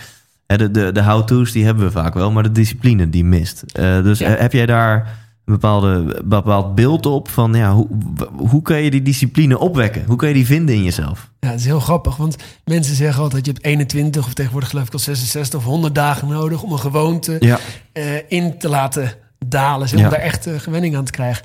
Ehm, jij zegt discipline, dat is ook een uitdaging. Als ik zou zeggen, het programma is 21 dagen... dan gaat niemand eraan beginnen. Mhm. Daarom is het zo kort. Ja. Daarom is het vijf of zeven dagen. Ja. Want die discipline valt vaak nog wel op te brengen. ja. Alleen je kan zoveel teweeg brengen in vijf of zeven dagen. Dat, ehm, dat je dan die ervaring hebt. En vanuit daar kun je veel makkelijker verder. Heel veel mensen die er vijf dagen hebben gedaan, die gaan daarna de zeven dagen doen. Omdat je dan al in die, in die motor zit. Maar als jij meteen krijgt te horen, oh je mag twaalf dagen niet drinken. Dan haken mensen al heel, veel, heel snel af.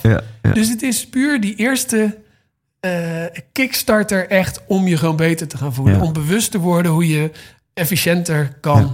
gaan leven. Heel tof. Hey, en stel, ik wil het met mijn team gaan doen. Ja. Eh, ja, als ik iedereen het boek geef en ze moeten eerst het hele boek uitlezen voordat we kunnen beginnen, dat werkt natuurlijk niet. Dus eh, heb je iets van een checklist of zo? Ja, nou, het is ook een beetje. ehm, ik weet niet of het een ego-dingetje is of een autoriteitsdingetje, maar ik heb het boek uiteindelijk geschreven om alle kennis en filosofie bij elkaar te brengen op één plek, Ja. op één punt. Ik wilde gewoon heel graag een boek schrijven ooit. Ja.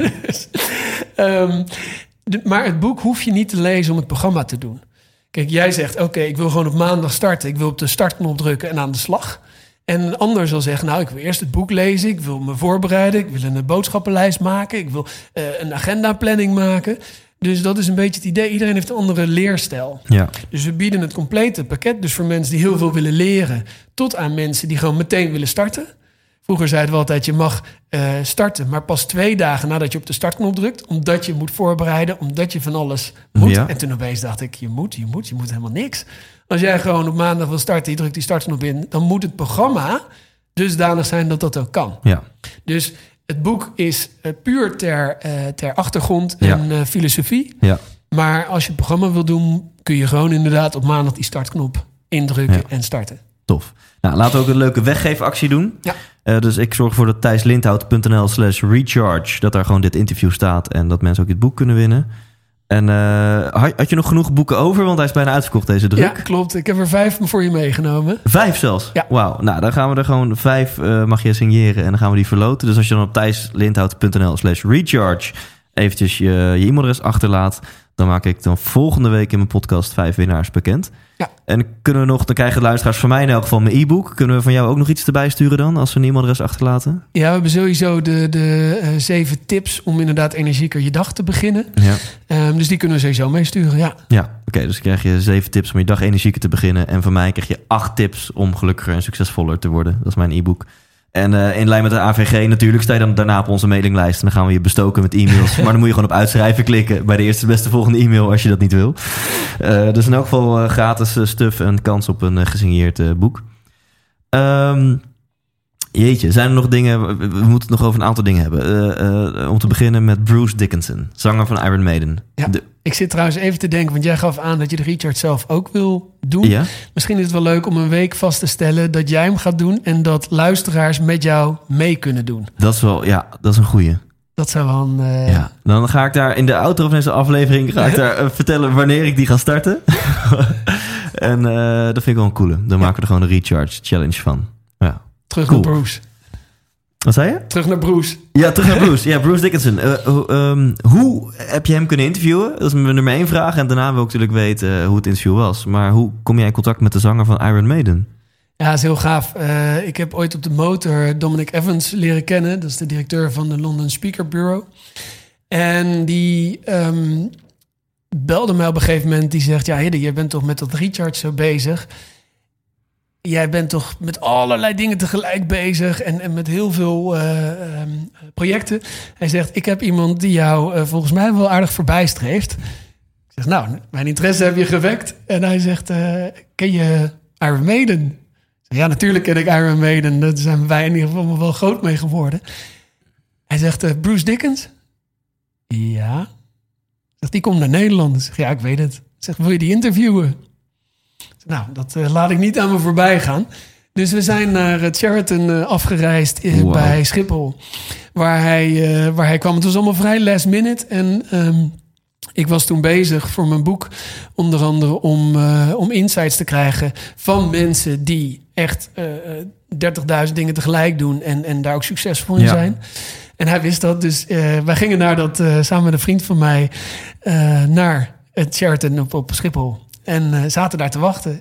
Maar geen Bruce Dickens. Dus wij zaten daar en dachten echt van, nou, zijn in een maling genomen. Ja, en ja. niemand die ook iets van hem wist. We hadden geen tourmanager of iets. En we hadden wel een telefoonnummer van hem gekregen. We hadden gebeld en nam niet op. Dus nou, het was, eh, ik geloof, we zaten er een half uur. En op een gegeven moment dachten we van, nou, dit, dit is gewoon echt eh, een kontverhaal. We gaan er vandoor. En opeens gaat de telefoon. En het is heel raar als je daar dan ziet... Bruce. en eh, dus ik neem de telefoon op en hij zegt... oh ja, ja, sorry, ja, ik heb me verslapen. Eh, blijf nog even zitten, ik kom naar beneden. En wij dachten, nou, dit, dit is heel bizar. En Ja. we zitten beneden en op een gegeven moment, echt een half uur later... komt naar beneden in een vaal, vaal kloffie en een korte broek... en een heel vervaald eh, oud petje komt Bruce Dickens naar beneden. En eh, hey man, how are you? En die had een event gehad de avond daarvoor of een presentatie of iets. Dus die had zich verslapen en een jetlag. En, en daar hebben we toen eh, twee en een half uur lang mee gesproken. Wauw. Gewoon in de lobby. En eh, eh, ja, dat was bizar. Wat hij allemaal doet met zijn eigen bier. En eh bijna Olympische Spelen gehaald met schermen. Liedzanger natuurlijk van Iron Maiden, wat aan zich al een megabaan is. Ja. En piloot, wat eigenlijk zijn grootste passie is. Het vliegen van, die, van, van hun ehm, vliegtuig, hoe heet die ook weer? De Ja. Eh, bekende naam. Die stond toen naast Air Force One ook geparkeerd op een gegeven moment. Eh, nou ja, goed, hoe dan ook. Is het Ehm. iets, met, iets met 666? Ja, Of, er zal sowieso eh, iets van eh, 666 in zijn. Ja. Ehm, nou, komen we misschien Ja, nog op. Maar ja. die, die heeft zoveel energie daarin. En eigenlijk vindt hij dat vliegen nog veel gaver dan zijn hele, ehm, zijn hele eh, Iron Maiden eh, optredens op dit moment. En het gave was dat, dat als je hem ziet, ook een klein mannetje. Ja. En je denkt echt, wauw, wat een grootheid. Ehm, maar het was fascinerend om te horen hoe hij eigenlijk met dezelfde dingen dealt als wat jij net omschreef. Hè? Zoveel dingen op je pad. En wat moet je dan doen? En een van zijn filosofieën was inderdaad: ik wil me alleen focussen op de dingen waar ik echt energie van krijg. Ja. En als ik er niet echt energie van krijg, is het dan wel iets waar ik me echt mee bezig wil houden. En even Ja. los van de kleine vervelende klusjes bij iets groots. Maar ja, wat moet ik dan eh, echt doorpakken? Ja. Ja, en, en ja, onwijs inspirerend. ja, waanzinnig. Het heet trouwens de Ad Force One. Oh ja, de Ed Want Force One, is natuurlijk dat was het. Ja, Ed, de mascotte van eh, Iron Maiden. En kunnen we nog ergens iets over dat interview vinden? Heb je er nog een blog over geschreven of whatever? Nee, nee, zoals ik al zei, niet zo'n voorstander van bloggen. Nee. Eh, maar het komt wel in mijn volgende boek. Ja. Ik ben nu druk bezig met het volgende boek. Dus daar komen wel stukken over in terug, inderdaad. Heel vet. Ja, als mensen meer van hem willen weten, dan zou je een keer de documentaire Flight 666 kunnen kijken. Ja, dat is ja. echt, echt een aanrader. Absoluut. Ja, ja, cool. Ehm, in plaats van het onderspot gedeelte ga ik nu mijn telefoon erbij pakken. Als mag voor jou. Ja, Eh, want ik heb mijn eh, Instagram-volgers gevraagd om een vraag in te sturen. Maar dat heb ik pas een uur geleden gedaan. Dus mogelijk sta ik nu voor lul en is er gewoon niks ingestuurd. We gaan eens even kijken. Ehm, pop. Ik heb hier een vraag van... Moet ik haar naam even goed uitspreken? Darja Krapiva. mooie naam. En eh, haar Instagram is instagram.com slash tasty Eindhoven, blijkbaar. En Darja die vraagt... Wat ontbijt Hidde zelf in de ochtend om energie te krijgen? En doet hij oefeningen, bijvoorbeeld een zonnegroet of meditatie... om meer energie te krijgen? Ja, goede vraag. Ook dat is, eh, ja, daar heb ik zeker iets voor. Wat ik doe 's ochtends is fruit met eh, granola. En af en toe een eitje. Daar wissel ik het mee af. Ehm, en dat wisselend, eh, ik heb een beetje drie verschillende ontbijtjes die ik neem.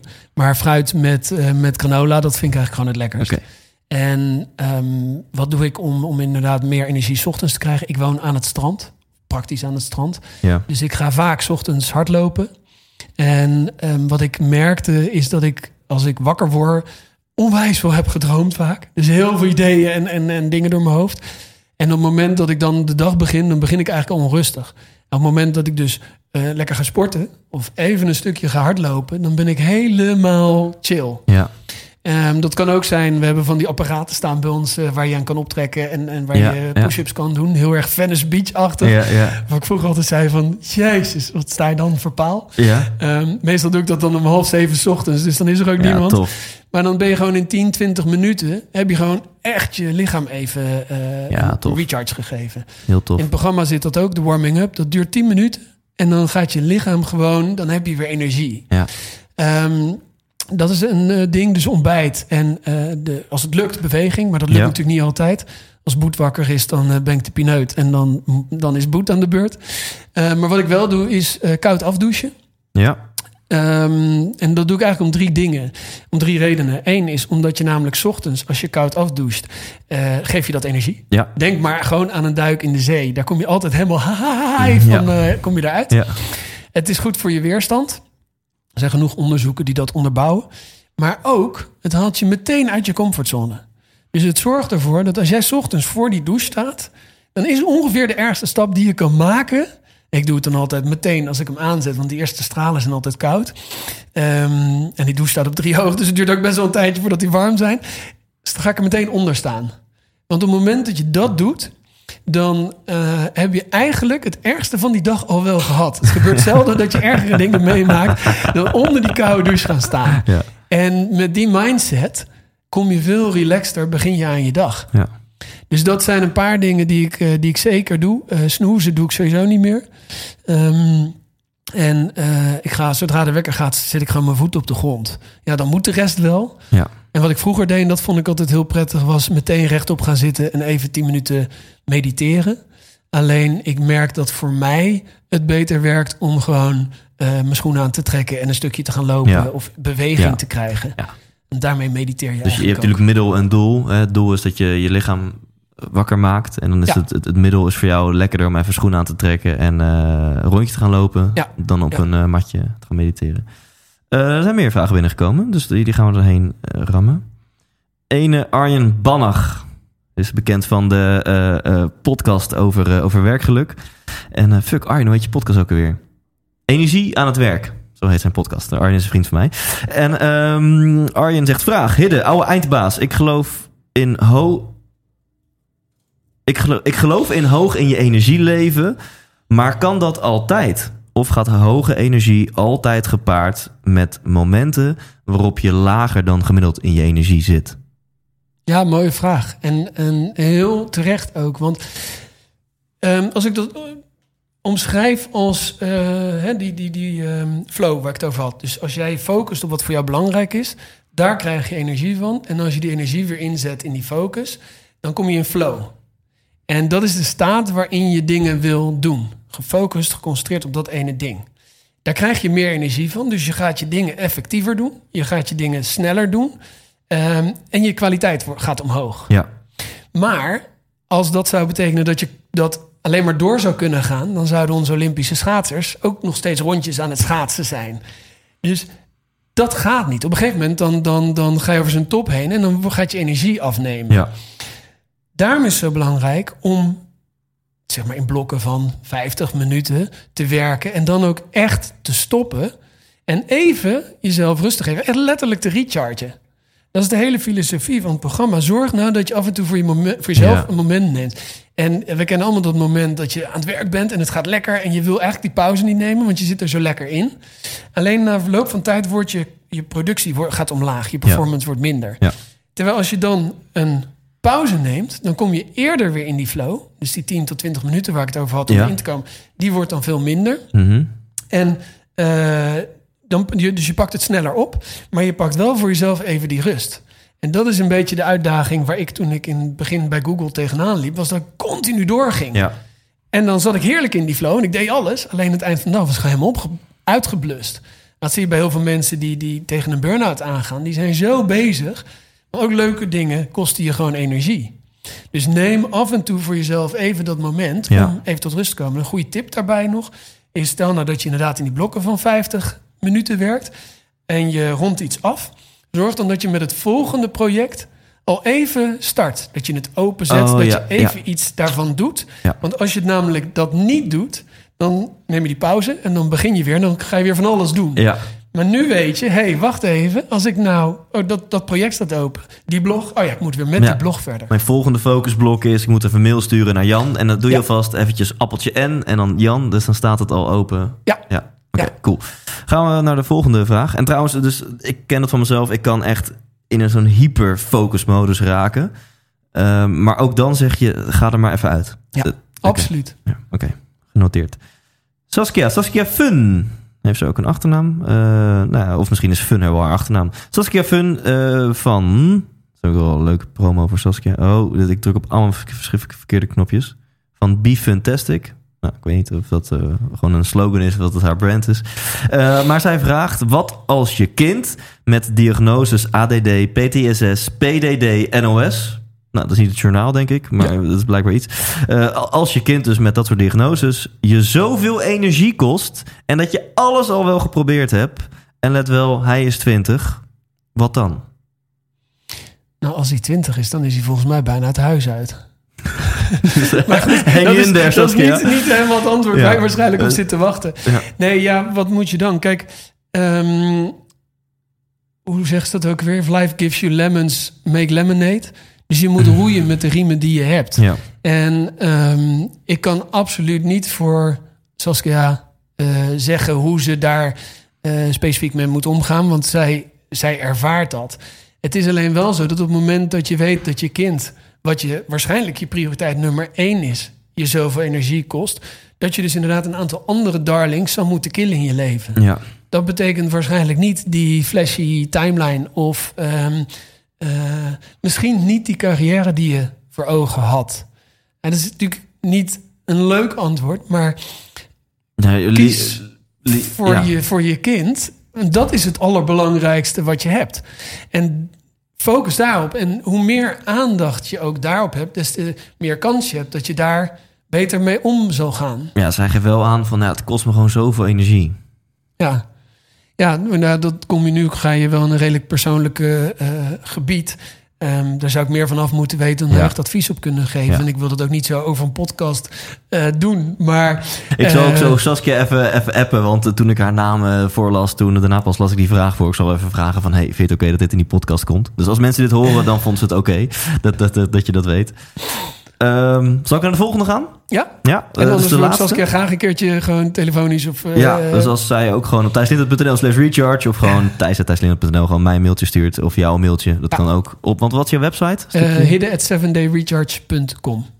Oké, en jouw eh, eh, e-mail of jouw website is 7dayrecharge.com, Ja. denk ik dan. Ja, oké, cool. Laatste vraag, die is van Lisbeth en die zegt op de valreep, want ze heeft me dat net pas toegestuurd. Een vraag. Dag Hidde, ik ben ondernemer en moeder van drie kids. Nou, hebben we het weer. Energie is dus een big thing voor mij. Naast geen alcohol, geen cafeïne, bewegen en goed slapen en gezond eten. Dat doet ze dus blijkbaar al.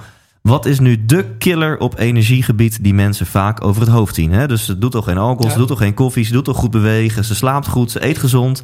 Maar is er nog iets wat ze over het hoofd ziet wat energie kost? Dat is waarschijnlijk één antwoord, multitasken. We denken door alles tegelijk te doen dat we dingen sneller doen. Maar het is telkens wat ik al zei in het begin. Hè, we, je moet het zien als een raket. Een raket schiet op met extra tanks aan gas. En die zorgen ervoor dat hij tot eh, 27.000 kilometer per uur eh, eh, de lucht Ja. invliegt. En op het moment dat hij die snelheid heeft, dan laat hij die tanks los.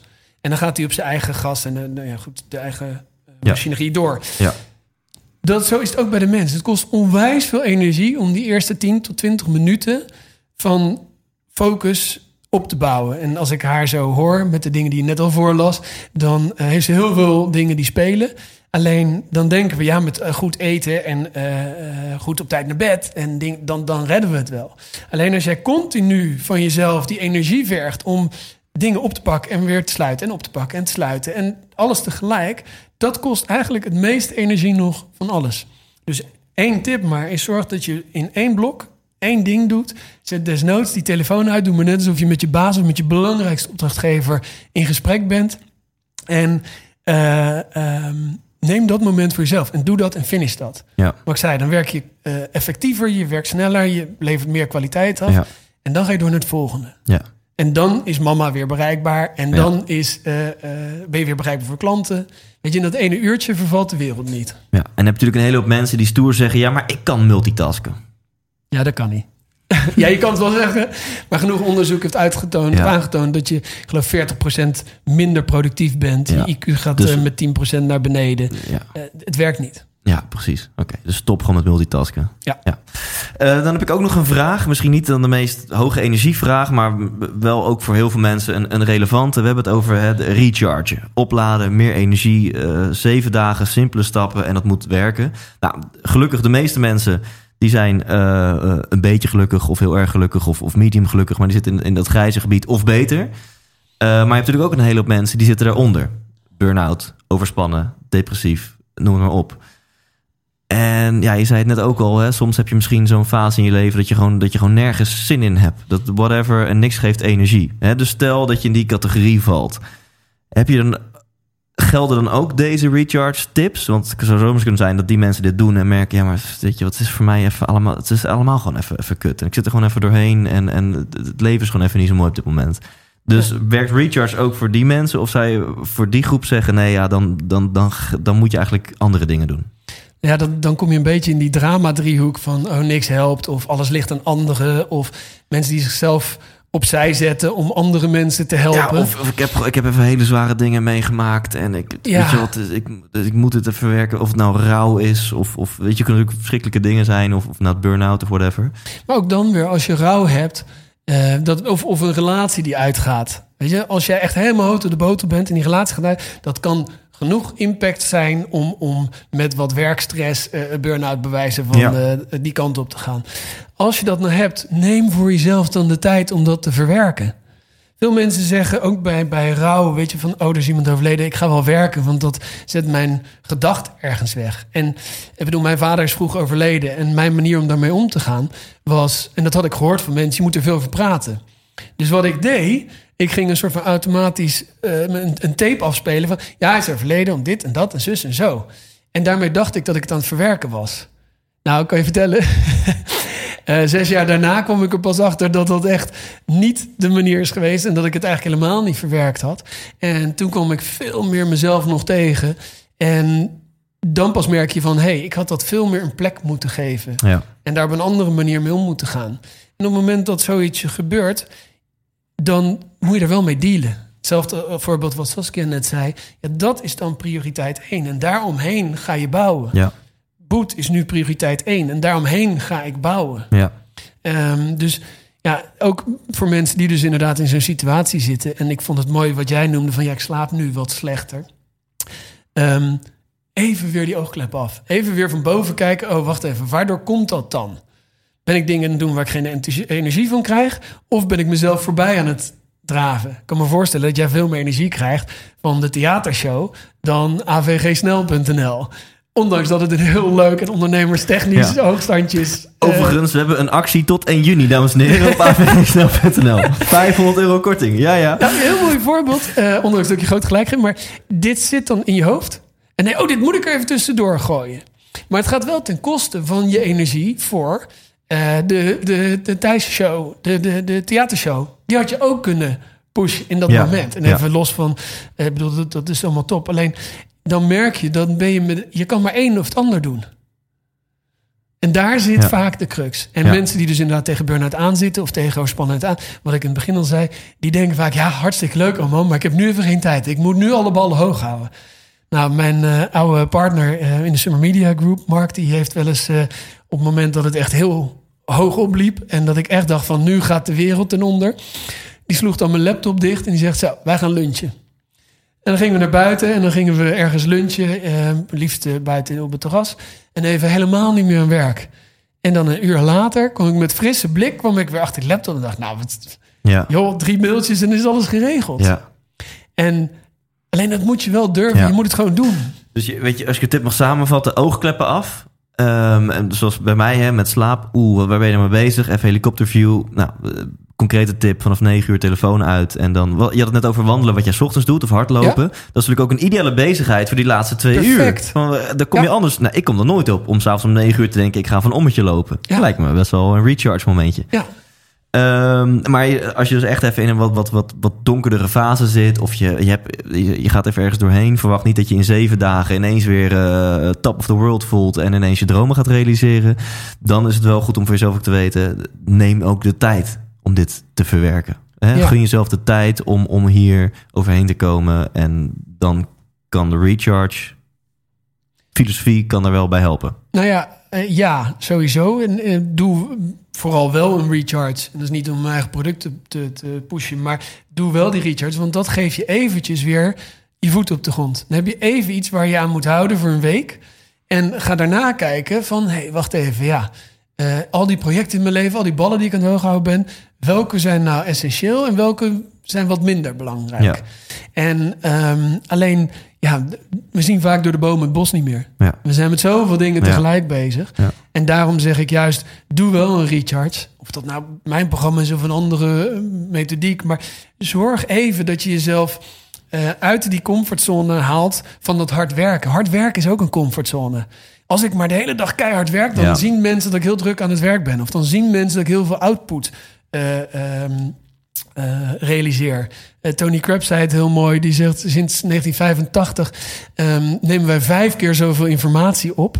Maar wij produceren 200 keer zoveel. Wauw. Dus weet je, we zijn zo bezig om te laten zien wat we allemaal wel niet kunnen. En terug naar dat achieving versus echt performing. Ja, tof. Ik, we kunnen nog uren doorpraten, maar volgens mij hebben we, we een goed, waardevol gesprek gehad. Eh, zijn er tot slot, hè, of misschien een mooie slotvraag, eh Hidde. Is er nog een vraag die ik had moeten stellen aan jou, maar die ik niet gesteld heb?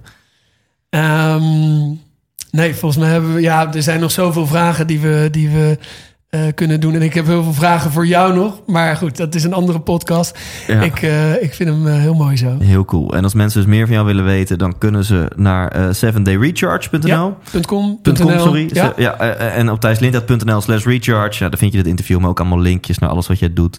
En laat daar even je e-mailadres achter. Want dan maak je kans op dus een van de vijf gesigneerde boeken.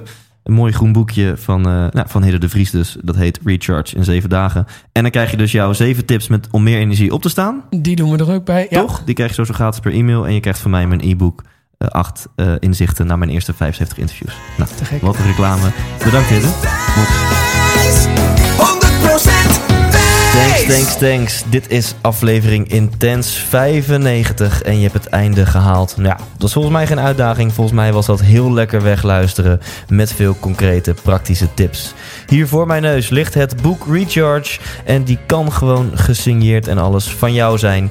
Dan moet je wel eventjes gaan naar thijslindhout.nl slash recharge. En als je daar je e-mailadres achterlaat, dan krijg je dus eh, mijn e-book. En dat gaat over acht eigenschappen van succes. En je krijgt ook van Richard 7 tips om met meer energie wakker te worden.